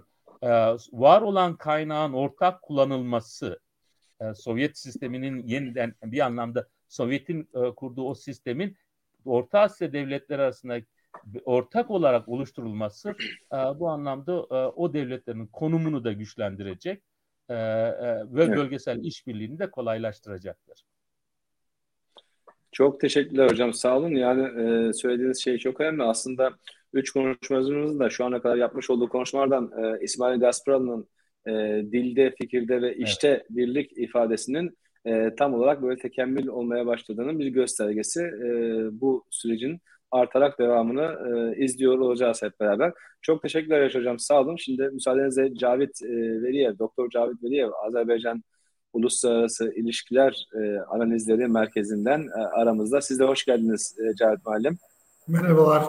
Kolay gelsin. İyi çalışmalar. Şimdi e, siz siz o sırada e, duyabildiniz mi bilmiyorum ama sık sık e, Azerbaycan'a ve Karabağ atıfta bulunduk Türk dünyasından bahsederken. Tabii e, Türk dünyasının önemli e, ortaklarından, önemli sütunlarından bir tanesi Azerbaycan ve e, özellikle biraz önce Yaşar Hoca'nın konuşmasında bahsetmiş olduğu e, kimlik olarak kendisini Türk olarak ifade etme e, hadisesine ben de e, Yaşar Hoca Özbekistan'da şey Kırgızistan'da Oş'ta denk geldi. Ben de İran'da e, gidik gelişlerinde denk geldim. E, eskiden kendisini e, farklı şekillerde ifade edenler şimdi e, daha farklı, daha Türk olarak ifade etmeye başladılar. Dolayısıyla bu Türk dünyasında da bir e, milli bilincin e, bu anlamda fikirde birliğinin e, halk nezdinde de oluşmaya başladığı bir göstergesi. Tabii bu e, oluşmada, kimliğin oluşmasında e, son dönemde en canlı e, dönüm noktalarından bir tanesi şüphesiz e, Azerbaycan'ın Karabağ Zaferi geçtiğimiz günlerde kutladığımız.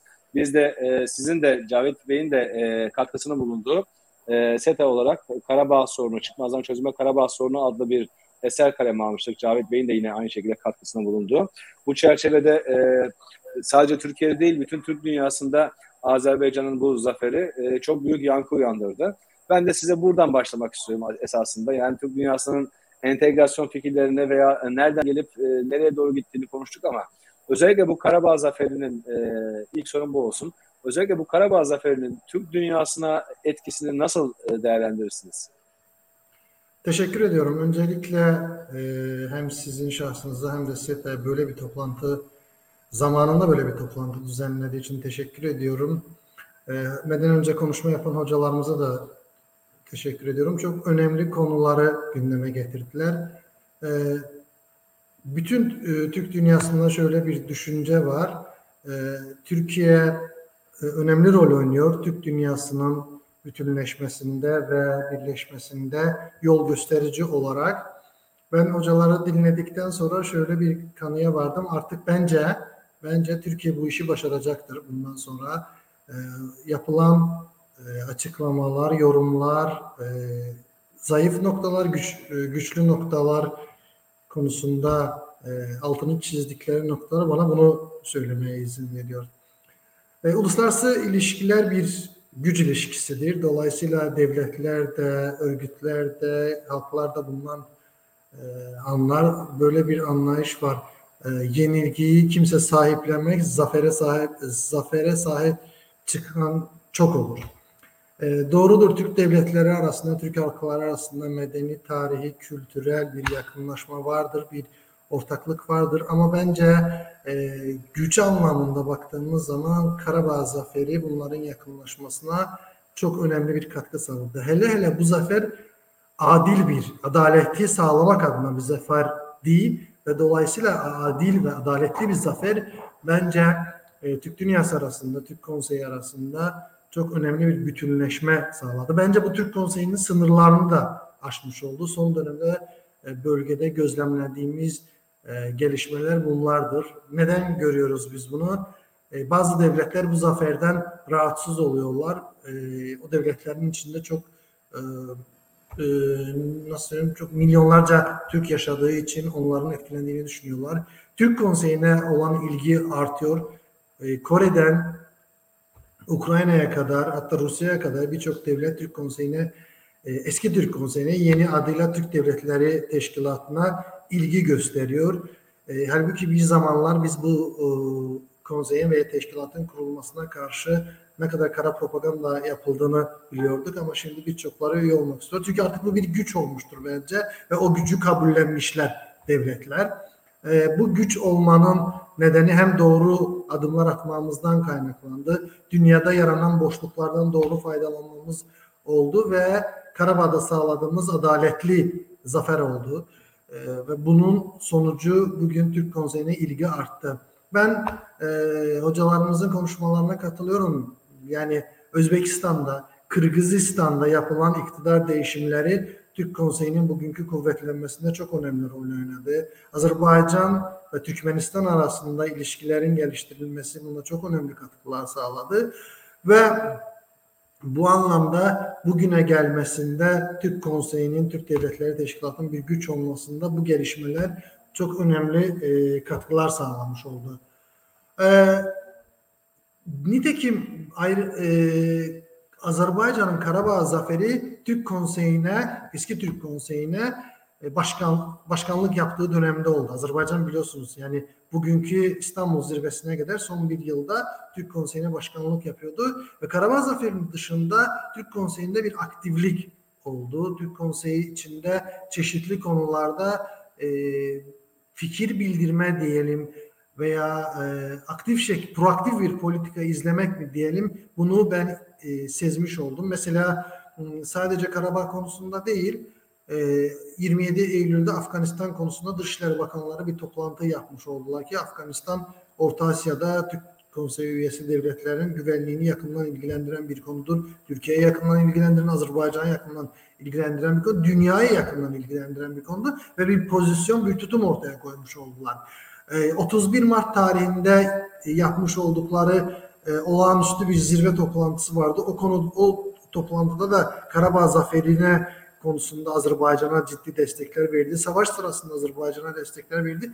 Ve savaşın birinci yıl dönümünde daha doğrusu Karabağ Zaferi'nin birinci yıl dönümünde Türk Konseyi'ne üye devletler e, hepsi Azerbaycan'ın zafer nedeniyle tebrik etmiş oldular. Kırgızistan Dışişleri Bakanlığı e, bir e, bildiri yayınladı. Azerbaycan'ın zafer nedeniyle tebrik etti. Özbekistan Cumhurbaşkanı Azerbaycan Cumhurbaşkanı'na telefon etmiş oldu. Kazakistan Azerbaycan Cumhurbaşkanı Azerbaycan Cumhurbaşkanı'na mektup gönderdi ki bu devletler özellikle Kırgızistan ve Kazakistan Azerbaycan topraklarını bir zaman işgal etmiş. E, Ermenistan'la aynı örgütte de güvenlik örgütünde de yer alıyordu. Dolayısıyla e, bir e, Türk Konseyi'nin lokomotif devletleri olan Türkiye ve Azerbaycan e, bu zaferin mimarları oldu. Bu Türk Konseyi'nin gücünü artırmış oldu. Azerbaycan Türk Konseyi'ne başkanlık yaptığı dönemde bir zafer elde etmiş oldu. Adaletli bir zafer elde etmiş oldu. Uluslararası hukuka dayanan bir zafer elde etmiş oldu. Ve ayrıca bu, bu dönemde savaş sırasında ve savaştan sonraki dönemde Türk Konseyi'ne üye devletler Azerbaycan'ın bu adaletli tutumuna destek vermiş oldular. Bu çok önemliydi. Nitekim 90'lı yıllarda biz e, Türk Konseyi'ne o zaman konsey değildi kurultaylar yapılıyordu. Kurultaylarda Karabağ meselesinde Azerbaycan'ı destekleyecek çok fazla açıklama göremiyoruz ama konsey kurulduğu günden itibaren 2009'dan itibaren her zirve toplantısında e, Azerbaycan'a çok ciddi bir destek vermiş oldular. E, Karabağ zaferi aynı zamanda Azerbaycan'la Türkiye'nin işbirliğinin real gerçekçi bir sonucuydu. Uzun yıllar Azerbaycan ve Türkiye işbirliğine bir taraftan kıskanç bir e, yaklaşım oldu. Diğer taraftan e, bazen de böyle alaycı bir yaklaşımlar seziyorduk. İşte e, bu sadece söylemden ibaret olan e, çok da sonuç doğurmayan işbirliğiydi. Ama bu e, somut bir şekilde bence Karabağ zaferiyle bu işbirliği bir sonuç sonuç doğurdu ve e, bu Orta Asya ülkelerini de etkilemiş oldu. Orta Asya ülkelerinin evet. düşüncesini de etkilemiş ve onlar şunu düşünmeye başladılar. Evet biz Azerbaycan'la Türkiye ile işbirliği yaparak sorunlarımıza çözüm bulabiliriz. Çünkü uzun yıllardır Orta Asya ülkelerinde karşılaşmış olduğu sorunların dışarıdan çözümler üretemiyorlar veya ürettikleri çözümden ziyade o ülkelerin iç işlerine müdahale, o ülkeleri daha çok kendine bağımlı kılma maksatlı olduğu için artık gördüler evet. ki Azerbaycan'la Türkiye işbirliği bir model olarak Türk dünyası için olabilir ve biz bundan faydalanabiliriz. Tam ben de buna ilişkin bir şey soracaktım. Bir yani, dikkatimi e... çeken bir şey oldu. Ee, şimdi e, Karabağ'da biliyorsunuz e, bir askeri strateji, askeri akıl, akıllı bir yaklaşımla zafer kazanmış oldu. Bu Azerbaycan'la Türkiye'nin savunma sanayi alanındaki işbirliği bunun bir önemli bir noktasıydı ve e, bundan sonra ben Türkiye'nin Orta Asya ülkeleriyle de askeri anlamda işbirliğini arttığını görüyorum. Özellikle savunma sanayi ve Türk ordusu modeline geçiş sürecinin hızlandıracağını düşünüyorum. Çünkü Azerbaycan Türk ordusu modeline geçiş sürecini başlattı. Hızlı bir şekilde evet. devam ediyor. Bu model başarı sağladı Azerbaycan'a. Türkiye ile savunma sanayi alanındaki işbirliği başarı sağladı Azerbaycan'a. Adaleti sağlamış olduğu ve bunun da Orta Asya ülkelerinde ve Türk Devletleri Teşkilatı çerçevesinde olumlu sonuçlar doğurduğunu düşünüyorum. Evet çok teşekkürler. Şimdi ben de tam bunun noktada bir şey soracaktım ama bir kez daha hatırlatmak isterim. Sorularımız varsa e, YouTube'dan ve e, Facebook'tan yorum kısmına sorularınızı yazarsanız e, panel sonunda soru cevap kısmında sorularınızı cevaplayabiliriz. Şimdi Türk Konseyi gerçekten de bu Karabağ e, Savaşı sırasında yani Vatan Muharebesi sırasında net bir duruş sergiledi ve biraz önce sizin söylediğiniz o 90'lı yıllardaki çekincelere rağmen e, Türk Konseyi Genel Sekreterlik olarak e, konsey adına net bir e, destek belirtti ve Azerbaycan yanında olduğunu belirtti. Bu da kaçınılmaz bir şekilde konseyin uluslararası ilişkilerdeki siyasi etkisinin de daha fazla fark edilmesine yol açtı. Bir de sizin söylediğiniz şu husus önemliydi. Yani Türkiye-Azerbaycan işbirliğinin. E, dolayısıyla konsey üyelerinin kendi aralarındaki ikili işbirliklerinin de bir etkisi vardı. Tam ben de e, bu konuda Şuşa beyannamesini soracaktım. Yani e, Genel Sekreterliğin e, Vatan Muharebesi sırasındaki bu net tavrı, beraberinde Şuşa beyannamesinin de imzalanmasının Türk dünyasına e, nasıl bir etkisi oldu? Birinci sorun bu. İkincisi Türk dünyasının ötesinde konuşmanızın başında e, bu Azerbaycan'ın haklı zaferinden rahatsızlık duyan veya Türk dünyasının etkisinin artmasından rahatsızlık duyan bazı aktörlerden bahsettiniz. Bu aktörlerin pozisyonu nasıl etkiledi bu süreç? Ee, şimdi bence Türk e, devletleri artık bu yeni dönemde Karabağ Zaferi'nden sonra artık rayına oturdu.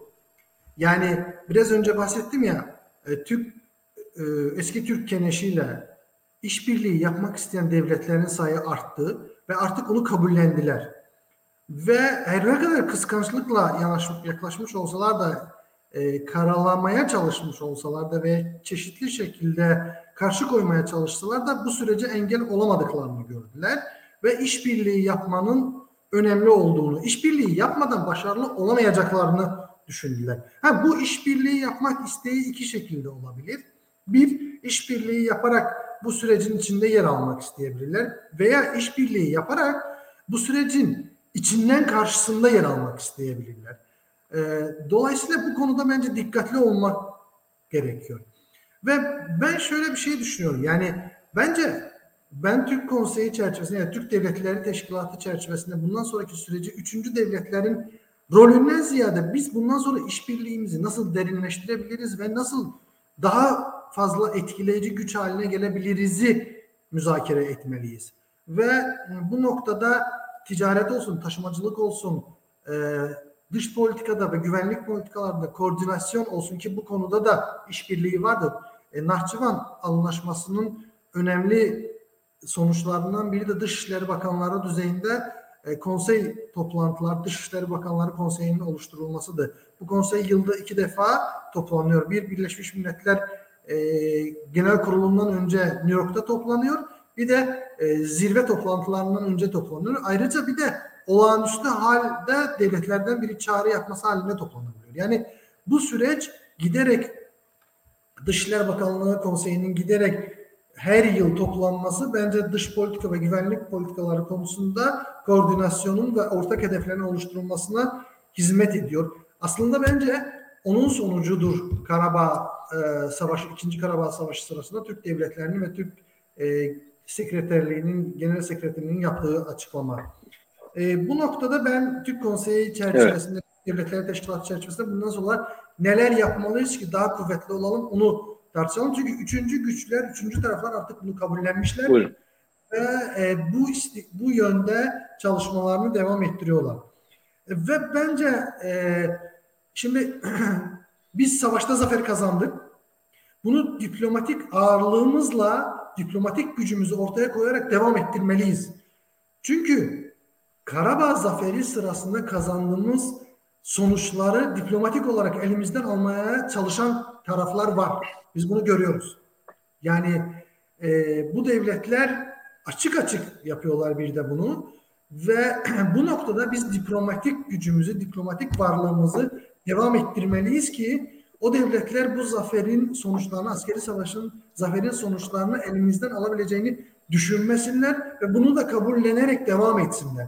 Bence Şuşa beyannamesi evet. ve son Karabağ Zaferi'nin birinci yıl dönümü nedeniyle Türk Devletleri Teşkilatı'nın üyelerinin yapılan destek açıklamaları bu diplomatik baskıyı, diplomatik gücü devam et, devam ettirilmesi açısından oldukça önemlidir. Bu dayanışmaya devam ettirirsek bence diplomatik gücümüzü de gösterebiliriz.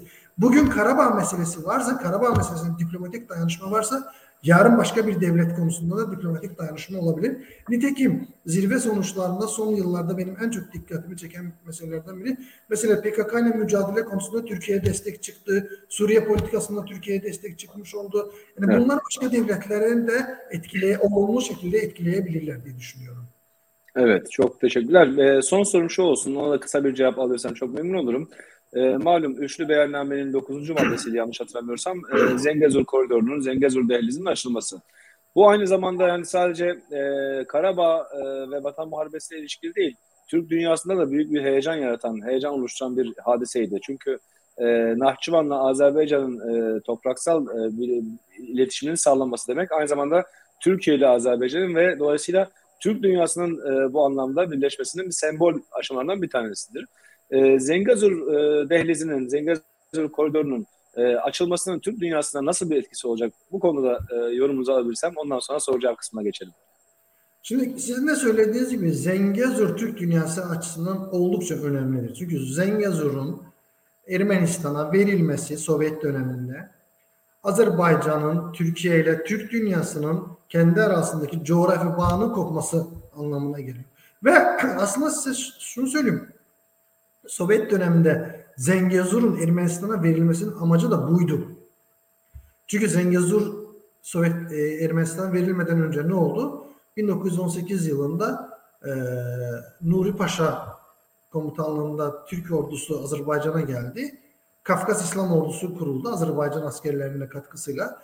Bakü işgalden kurtarılmış oldu. Azerbaycan işgalden Azerbaycan'ın büyük bir bölümü işgalden kurtarılmış oldu ve bu Orta Asya'yı etkilemiş oldu. O dönemde Bakü neydi? Bakü dünyada bir yeni bir gelişme oldu. E, petrolün kullanımı oldu. Yeni bir devrim oldu. Petrol güç aracına dönüştü ve Bakü de petrolün merkeziydi. Kim petrolü kontrol ediyorduysa güç merkezi o olacak. Dolayısıyla Zengezur ortaya konularak böylece ara kesilmeye çalıştı. bu sadece Zengezur döneminde olmadı. Size bir örnek vereyim. Hani Türkiye ile Azerbaycan'la Türk dünyası arasında, Türkiye arasında coğrafi bağ koparma örneği çoktur. Zengezur değildir. Mesela 1948 yılında e, Ermenistan'da yaşayan Azerbaycan Türkleri 100 bin civarında Azerbaycan Türkleri Ermenistan'dan Sovyet yönetimi tarafından, Stalin tarafından kovuldu.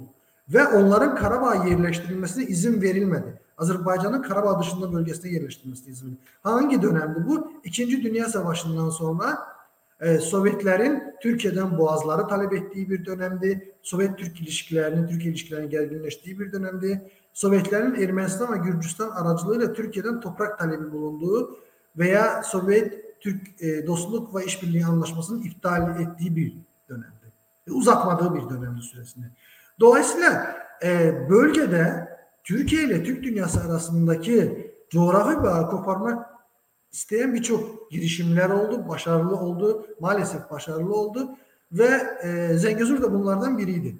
Bugün Zengezur'dan Türk dünyasına çıkış açısından Türkiye ile Türk dünyası arasından e, çıkış açısından bir çalışma var ve şöyle düşünüyorum ki bu başarılı olacaktır. Çünkü dokuzuncu maddede bu var.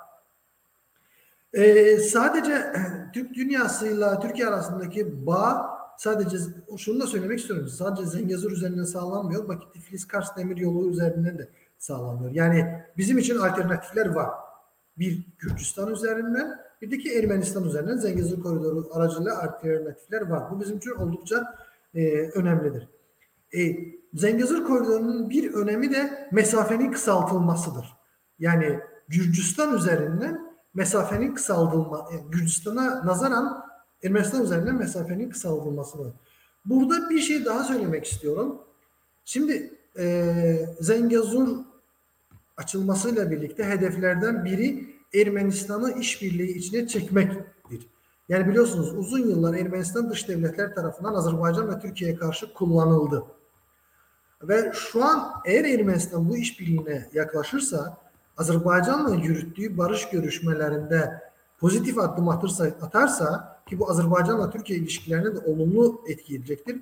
Düşünüyorum ki bundan sonraki süreçte Ermenistan'ın Azerbaycan'la Türkiye ile ilişkilerini geliştirmesi onun hem kendisine hem de bölgeye faydaları olabilir. Ve artık Ermenistan bir, bir kullanım aracı olmayacaktır. Bir istikrarsızlık aracı olmayacaktır. Ve bölgede kimse Ermenistan'ı kullanmaya çalışmayacaktır. Pardon özür dilerim yani bunu yanlış söyledim. Çalışacaktır. Ama Ermenistan eğer böyle bir işbirliğine açık olmuş olursa hem bölgede istikrar yaranmış olur hem de Ermenistan'ın kendisi için faydaları olmuş olur. Çok teşekkür ederim. Sağ olunuz e, Cavit Muallim. E, bu anlamda e, son dönemde Türk dünyası açısından heyecanlandıran bu zafer ve zaferin psikolojik ve psikolojik olmayan somut etkilerine de yer verdiniz. Teşekkür ediyorum. E, şimdi soru cevap e, kısmına geçelim isterseniz. E, diğer konuklarımızla e, alaraktan. Şimdi e, sorularımızı yönelteceğim e, Helbi hocamıza da e, ikişer üçer dakika e, cevaplama süremiz içinde cevaplayabilirsek çok memnun oluruz. İlk sorum Mehmet Hocam size e, gelsin. E, Muhammed Çelik tarafından soruluyor ilk soru. E, Türk Dünyası Üniversiteler Birliği'nin kurulmasının e, Gazprom'un dilde, fikirde ve işte birlik açısından Türk dünyasına katkıları nasıl e, olmuştur? Bunun hakkında bir değerlendirme bulunabilir misiniz? diyor e, Muhammed Çelik. Tabii bunu belirtirken de şunu da ifade etmek isterim. E, Mehmet Hoca'nın mensubu olduğu, benim de mensubumuz, e, mensubu olduğum Uludağ Üniversitesi de e, geçtiğimiz ay Ekim ayında Türk Dünyası Üniversite Birliği'nin üyesi olarak kabul edildi Türkistan'ın düzenlenen toplantıda. Bunu da bu vesileyle paylaşmak isterim. Buyurun Mehmet Hocam. Peki çok teşekkür ederim. E, tabii ki e, eğitim e, devletler arasındaki ilişkilere çok önemli, çok büyük bir katkı sağlayacak e, bir e, alandır. E, zaten Türk Dünyası e, Üniversiteler Birliği malumunuz e, kurulmuş ama bu üniversite birliğini daha etkin hale getirmek ve diğer üniversitelerle de e, işbirliği içine koymak çok önem arz ediyor. Özellikle Türk Dünyası Üniversite Birliği bir takım endeksleri geliştirerek e, e, Türk dünyasında e, gerek dergi, gerek eğitim, gerek müfredat arasında bir takım e, kriterleri geliştirerek bu Türk dünyası e, arasındaki büyük bir köprü olabilir. Son olarak şunu söylemek istiyorum. E, aslında e, benim e, savunduğum bir fikir şudur.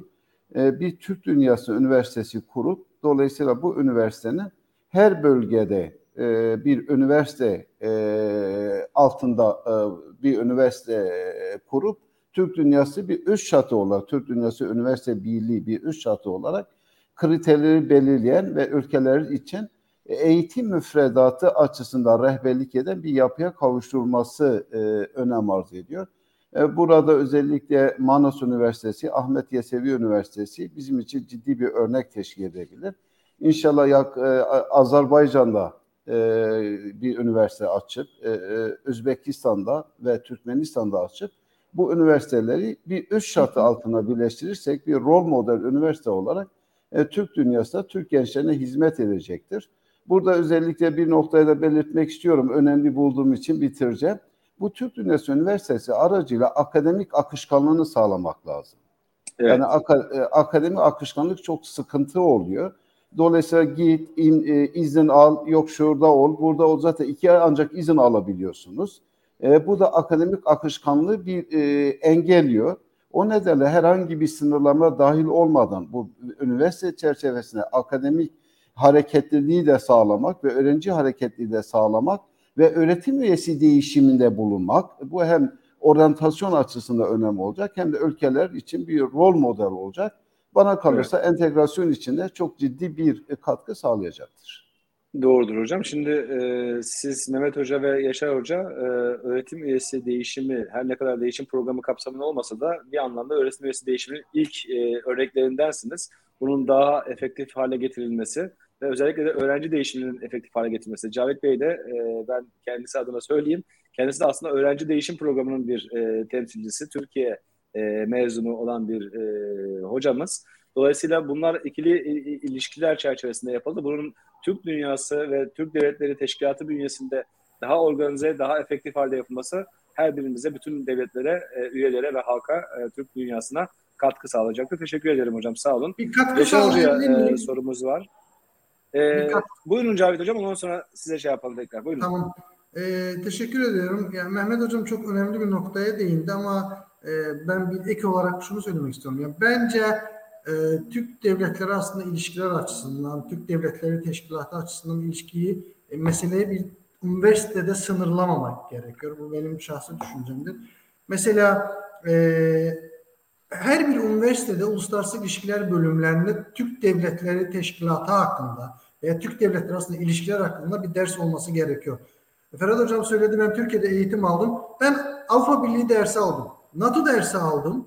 Azerbaycan'da bakıyorsun bağımsız devletler topluluğu dersi var. Ama ne Türkiye'de evet. ne Azerbaycan'da uluslararası ilişkiler bölümlerinde Türk Devletleri Birliği, Türk Devletleri arasında ilişkiler dersleri, zorunlu dersleri yoktur. Bu nedenle ben sürekli onu, bunu Azerbaycan'da da söylüyorum. Ben aynı aynı zamanda bizim merkezde Türk Konseyi ile e, sorumluyum. Yani Türk Konseyi'nin toplantılarına katılıyorum, onlarla görüşüyorum. Onlara da söylüyorum. Yani bütün Türk Devletleri Teşkilatı'na e, üye devletlerin üniversitelerinde bence Türk Devletleri Teşkilatı dersi zorunlu olması gerekiyor. Belki bunu Türkiye'den, Azerbaycan'dan başlayabiliriz. Yani bir tabii ki üniversitenin olması önemlidir ama bence tek bir üniversiteyle sınırlı tutmamak gerekiyor. Teşekkür ederim. Ee, çok katılıyorum. Ee, ben mesela bir uluslararası ilişkiler hocası olarak idareci olduğum dönemde de her sene mümkün mertebe Türk Konseyi'nin yetkililerini, genel sekreter yardımcısını Bursa'ya getirerek e, veya online e, etkinlik düzenleyerek e, konseyi devi, e, dolayısıyla örgütü tanıtmaya çalışıyorum. Türk dünyasını tanıtmaya çalışıyorum. Ama dediğiniz gibi bireysel çabaların dışında bunun kurumsal anlamda bir ortak e, zorunlu ders olarak konulup bu konudaki farkındalığın artırılması oldukça önemli. Çünkü biz ee, geleceğimizi, hocam... gelecek gençlerimize durumu nasıl anlatacağız? Yani bir üniversitede bunu sınırlı tutamayız. 3 bin, ne bileyim 2 bin öğrenciyle. Mesela Türk Konseyi ile ben yakından ilgilendiğim için Türk Konseyi'nin çok önemli işler gördüğünü biliyorum. Yani bugünkü zirve toplantısında alınan kararlar öylesine sıradan alınmadı. Yıllarca bunun üzerinde çalışıldı. Ama tanıtımı noktasında çok ciddi boşluklar var. Çok ciddi zayıflıklar var. Yani bunu doldurmamız gerekiyor bence. Hocam müsaadenizle bir cümle söylemek istiyorum. Yani ben e, bunu savunurken e, tek üniversite münhasır diye savunmadı, e, ifade etmek istemedim. Bu bir rol model olabilir. Hatta Azerbaycan bir gazetesinde şunu ifade ettim. Her üniversitede kardeş üniversitelere kontenjan tanımalıdır. Ve o kontenjan evet. çerçevesinde öğretim üyeleri değişimi, hareketliliği zorunlu hale getirmelidir. Belki bir e, ders de çok önemlidir ama e, gözden ırak olan gönülden ıraktır çerçevesine hareketle dolayısıyla öğrenci değişimi ve öğretim üyesi değişimi bütün üniversiteleri de teşmil etmek lazım. Ama bunun için önce bir rol model gerekiyor. E, ben bu şekilde ifade etmek isterim. Harekete geçmemiz gerekiyor yani hocam. Özet olarak evet, öyle söyleyelim. Evet. E, katılıyorum bütün fikirlere. Yaşar hocama müsaadenizle sorumu ileteyim. Arif Emre Koç Yaşar hocaya yönelik bir soru sormuş. Çin bağlamında değerlendirmek gerekirse Türkiye ve Türk dünyası arasındaki işbirliğinin artarak devam etmesini nasıl değerlendiriyorsunuz? Aslında konuşmanızın bir kısmında buna değinmiştiniz ama biraz daha açarsanız hocam memnun oluruz. Buyurunuz. Evet. şimdi e, üniversiteler konusu açılınca ben de bir e, buyurun buyurun tabii iki, ki. iki cümleyle ifade edeyim. E, Mehmet Hocam'ın belirttiği e, Türk Dünyası Üniversitesi ya da üniversitesi benim anladığım şu Türk dünyasından farklı ülkelerinden hocaların da olacağı bir üniversite. Çünkü Ahmet Yesevi'de olsun, Manas Üniversitesi'nde olsun işte daha çok Kazak ağırlıklı Türk Kazak ya da Türk Kırgız hocaların olduğu e, diğer e, Türk Cumhuriyetlerinden hocaların çok hemen hemen olmadığı üniversitelerden bahsediyoruz. Bir. İkincisi Türk Akademisi'nin ortak e, e, tarih kitabı çıkardı. Bu anlamda e, Türk dünyasındaki e, eğitimcilerle e, sadece üniversite seviyesinde değil aslında üniversiteden öncedeki seviyede ortak e, kitapların da oluşturulması e, yani yazılması e, söz konusu olabilir. Çünkü e, eğitim bugün e, yapacağınız eğitime katkı gelecekte al, alacağınız bir meyve olarak döner size. E, şimdi evet. Çin konusuna gelince soruyu e, e, e, cevaplamak için evet Çin konusu aslında bizim açımızdan iki noktada hassas konu. Bir, e, şu andaki e, var olan Çin hükümetinin e, Doğu Türkistan'daki politikası açısından hassas. Oysa biz e, özellikle 2000'lerin ortasında Çin'le yakınlaşmaya e, baş, e, Türkiye-Çin yakınlaşmasının arttığı dönemde e, şunu düşünüyorduk. E, Doğu Türkistan'daki Uygur ve diğer Türk e, toplulukları Çin'le Türkiye arasındaki o e, işbirliğini sağlayacak aracı e, aktörler, e, iş adamları olsun e, olarak düşünüyorduk. Fakat e, burada tabii e, Çin'in iç, kendi iç politikasından kaynaklanan politikalar sebebiyle e, biliyoruz ki e, şu andaki durum çok hassas bir e, durum söz konusu Doğu Türkistan'da. E, diye Çin ikinci açısından Çin şunu kabul etmemiz lazım. E, yükselen güç. Yani bugün e, uluslararası sistem e, değişiyor. Ya da sistemin yapısı belki eğer e, biraz uluslararası ilişkiler e, terminolojisiyle konuşursak realistlere göre e, sistem değişmiyor ama sistemdeki aktörlerin aldığı roller değişiyor. E, e, yükselen bir güç olarak Çin'i görüyoruz. Fakat e, e, bu yükselen güç aynı zamanda sadece Çin yükselmiyor.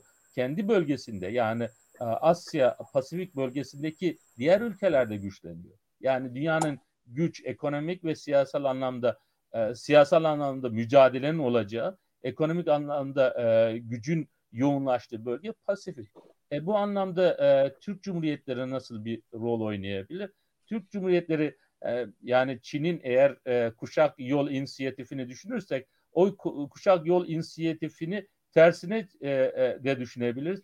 Türkiye'nin e, ekonomik olarak o bir anlamda e, Orta Asya Türk Cumhuriyeti Azerbaycan üzerinden elbette e, iletişim kurmasını da ekonomik anlamda ticari e, e, hatların oluşması için de önemli e, katkı sağlayacak. Yalnız burada şöyle bir problem var. Türkiye'nin e, ile Orta Asya Türk Cumhuriyetleri arasındaki ekonomik ilişkinin kurulması bir kere tercihli ticari anlaşmaların yapılması lazım. Türkiye ile Orta Asya e, e, Türk Cumhuriyetleri arasında.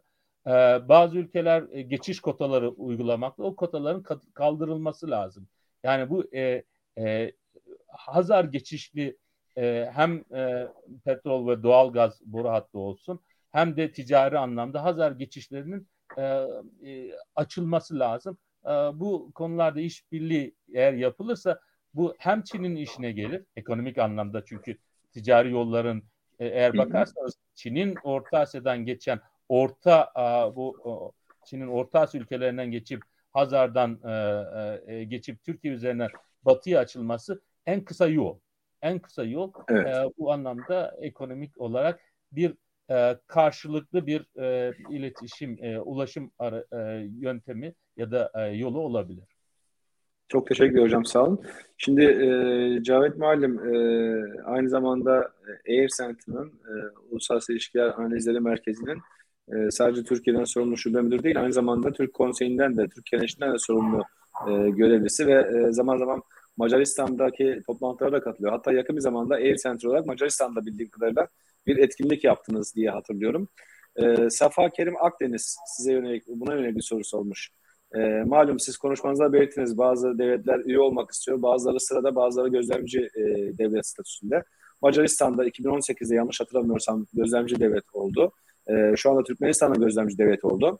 Macaristan'ın e, Türk dünyasında e, ne kadar yer aldığına ve Türk konseyine tam üye olma durumuna ilişkin e, bir soru var. Buna ilişkin yorumunuz ne olur Cahit Muallim? Şöyle 2-3 dakika yaparsanız sonrasında başka bir soruya geçeceğim çünkü sizle. E, biz Macarlara sorduğumuz zamanki Türk dünyasıyla ne ilişkisimiz var? Onlar diyorlar ki bizim tarihi ilişkimiz var. Tabii biz bunu biliyoruz ama onlar kabul ediyorlar bunu. Bu çok önemli. Evet. Eskiden yani, kabul etmiyorlardı değil mi? He, çok önemlidir. Ee, mesela ben yeni öğrendim. Türk Halkları Kurultayı yapılıyormuş Macaristan'da. Daha yeni. Şu anda e, Macaristan'dan bir misafir araştırmacımız var. E, Macaristan Türk Konseyi ilişkilerini araştırıyor. Bir rapor halinde yazacaktır. Sonunda rapor halinde sunacaktır. E, Macaristan'da Türk Konseyi'ne çok büyük ilgi var. Tabii bunun jeopolitik nedenleri de var şu an itibariyle. Avrupa Birliği Macaristan ilişkileri nedeniyle Macaristan'ın e, nasıl diyeyim böyle egemenliğini ve bağımsızlığını ayakta tutma isteği nedeniyle Orban döneminde özellikle e, bir tepki olarak Batı'dan Batı Avrupa'dan onlara yönelik baskıları dengelemek açısından ve ekonomik enerji anlamında Türk dünyasıyla ilişkilerini geliştirmek istiyorlar. Bunu görüyorsun, bunu hissediyorsun ama tarihsel köklerinin de aynı olduğunu biliyorsun. Mesela biz Macaristan'a gittiğimiz zaman bize bir sözlük vermişlerdi. Macarca'da Türkçe kelimeler, Türkçe kökenler. Yani gramer aynıymış. Ee, Türkçe gramerle e, aynıymış Macar grameri. Dolayısıyla yani birkaç açıdan yani hem jeopolitik açıdan hem jeoekonomik açıdan hem de tarihsel açıdan Macaristan'ın Türk devletleriyle işbirliğine, Türk konseyine, Türk devletleri teşkilatına artık dilimizi alıştırmamız gerekiyor. Çok büyük ilgisi var. Evet. Ee, gözlemci üyedir ama kesinlikle tam bir üye gibi davranıyor. Yani a, e, nasıl diyeyim bu üyelik aidatı mı diyorlar, ücreti mi diyorlar. Onu bir tam bir üye kadar ödüyor ve üye gibi e, katkılar sağlıyor. Nitekim Macaristan Budapeşte bir e, ofis açıldı. Ofis açıldı evet. Bizim biz mesela Macaristan'da Ekim ayının 15'inde e, bir toplantı düzenledik. Macaristan'ın Dışişleri Bakanlığı'na bağlı olan IFET e, Foreign Foreign e, Institute for Foreign Trade and International Relations böyle bir merkezi var. Onların Dışişleri Bakanlığı. Onunla birlikte hı hı. iki yemeğin ikisinde Türk Konseyi'nin Macaristan ofisi verdi ve çok güzel. Yani mesele yemek değil. Mesele onların buna içten candan sahip çıkmasıdır. Ve ben evet. bugün mesela İstanbul'da Orban'ın Cumhurbaşkanı Recep Tayyip Erdoğan'la görüşmesini gördüm. Diğer liderlerle selamlaşmasını gördüm. Hiç Avrupa Birliği liderleriyle belki öyle görüşmüyor. Bizim Türk Konseyi liderleriyle çok içten candan böyle görüşüyor. Yani onlar bu meseleyi sahiplenmişler. Evet. Ama düşünüyorum evet. karşılarında bir engel var Avrupa Birliği üyeliği. O çok fazla evet. Türk Konseyi içinde üyeliğe belki izin vermiyor. Ama bakacağız. Yani ama tam kapalı değiller. E, süreç gösterecek. Evet. Yani, yani işbirliğine açık en azından. Macaristan. Yani işbirliğine çok çok çok açık. Yani sonuna evet. kadar açık. Evet. Avrupa Birliği üyeliğinin izin verdiği çerçeve ölçüsünde bazen de onu zorlayarak çok açık. Hocam e, Macaristan'a e, bu kurultaya iki kez katılma şansım oldu. E, kurultayda evet. hakikaten e, çok üst düzey bir karşılama oldu. Bizim mecliste karşıladı, meclise misafir ettiler. E, evet. Ondan sonra kurultayda da gerçekten e, çok e, güzel gelişmeler, kongreler, e, Türk kültürüyle ilgili yansımalar yani çok harika bir şeydi. Devam ediyor. Fakat Covid dolayısıyla iki senede yapılamıyor. E, bence bu, burada entelektüeller arasında etkileşimi artırmak lazım. Yani mesela Türkiye'ye Macaristan'dan araştırmacı davet etmek lazım. Gelsinler, araştırsınlar, çalışsınlar. Yani Türkiye'den Macaristan'a gitmesi lazım. Aynı zamanda diğer Orta Asya ülkelerine, Azerbaycan'a. Mesela kendi adıma söyleyeyim biz buna önem veriyoruz. Ee, şu anda bizde Macaristan'dan bir araştırmacı var. Onların kamu yönetimi üniversitesinden bir hoca var çalışıyor beraber evet. bizle. Bu gidecek başka bir Macar gelecek. Sonra bizde Demek ki daha fazla işbirliği yapmamız gerekecek. Ben şöyle e, son bir soruyu bütün e, konuklarımıza sormak istiyorum ama e, çok kısa birer dakika çünkü normal öngördüğümüz süreyi de açtık. Ben açıkçası moderatör olarak keyif aldım bütün konuşmalardan, konuşmacılardan. O yüzden birazcık süremizi açtık. Sorumuzu bir dakika içinde cevaplayabilirseniz çok memnun olurum. Muhammed Doğan'ın sorusu. E, Türk Devletleri Teşkilatı ulus bir uluslararası örgüt olarak AB gibi bir küresel örgüte e, veya e, supranasyonel bir örgüte organizasyonun dönüşümü olabilir mi? Nasıl olacaktır? diye soruyor. Mehmet Hocam sizle başlayalım. Ondan sonra Yaşar Hocam ve Cavit Hocam'la en son bitirelim. Evet. Aslında Yaşar Hocam e, konuşması içinde söylemişti. Bu inşallah ileride dönüşür ama önümüzde uzun ince bir yol var. E, bir takım avantaj ve dezavantajlarımız var. E, ama şu anda adımı e, sağlam bir şekilde yere basarak gidiyoruz. Ama henüz bir stratejik derinliğe e, kavuşmuş değiliz. Umarım evet. ilerideki dönemde bu derinlik yakalanır. Çok teşekkürler hocam. Sağ olun. Yaşar hocam buyurun. Ee, şeye bakmamız lazım. Ee, 2040 vizyonuna, vizyonunu görmemiz lazım. Ama e, Mehmet hocamın dediği gibi uzun ince bir yol. E, ilk önce yapılması gereken e, bu e, e, şimdi artık Türk Devletleri Teşkilatı'nın e, e, teşkilatının e, yapısında olan Türk Bağ olsun, Türk Soy olsun, Türk Akademisi olsun buradaki ilişkilerin derinleştirilmesi lazım. E, bir de yatırımlarımızı geleceğe doğru özellikle eğitim e, geleceğe doğru e, yapmamız lazım. Son olarak bir şey söyleyeceğim. Macaristan'la Türk dünyası arasında aslında e, şey ilişkisi daha önce de vardı. Mesela Türk e, halk e, derlemesini yapan Bela Bar Bartok e, Macar yani bu 20'lerden evet. 1920'lerden 1930'lardan bahsediyoruz. Ya da e, biliyorsunuz ünlü bir e, gerçi e, Wanberry Macar asıllı bir e, gerçi bir istihbaratçıydı ama e, önemli e, Türk dünyası ile ilgili e, önemli notları var en azından. Evet. Çok teşekkürler. Sağ olun. Cahit Malim buyurun size de aynı soru. E, bence Avrupa Birliği bir çok mu başarılı bir küresel aktör oldu? Bence değil. Yani bu anlamda Avrupa Birliği'nin iyi ve kötü taraflarını değerlendirip kendimize göre bir sonuç çıkarmamız lazım. Avrupa Birliği uluslararası ulusüstü bir yapı oldu. Avrupa Birliği bir entegrasyon teşkilatı oldu. Avrupa Birliği'nin en büyük zayıfları, zayıflıkları da oldu ki bugün Avrupa Birliği'nde parçalanma meyilleri de tartışılmaya başladı. Bence Avrupa Birliği ile çok da kıyaslamamak lazım. Avrupa Birliği'nden sonuçlar çıkarmak lazım. Doğruları benimseyip e, yanlışları bir tarafa koymak lazım. Ben şöyle düşünüyorum. E, çok da şey olmadan, ulusüstü bir örgüt olmadan, egemenliği devretmeden karşılıklı işbirliğini, ekonomik taşımacılık işbirliğini, karşılıklı faydaları artırabilecek, dayanışmayı artırabilecek bir uluslararası yani bir örgüt haline dönüşmesi bence faydalı olabilir. Bu yönde gitmesi daha faydalı olabilir. Nitekim şu anda da bu istikamette gidiyor. gidiyor. Yani sonra çok fazla entegrasyon olunca bazen hiç beklenmedik sorunlar çıkıyor ve kontrol edemiyorsun. Ee, bütün zahmetin boşuna gitmiş oluyor.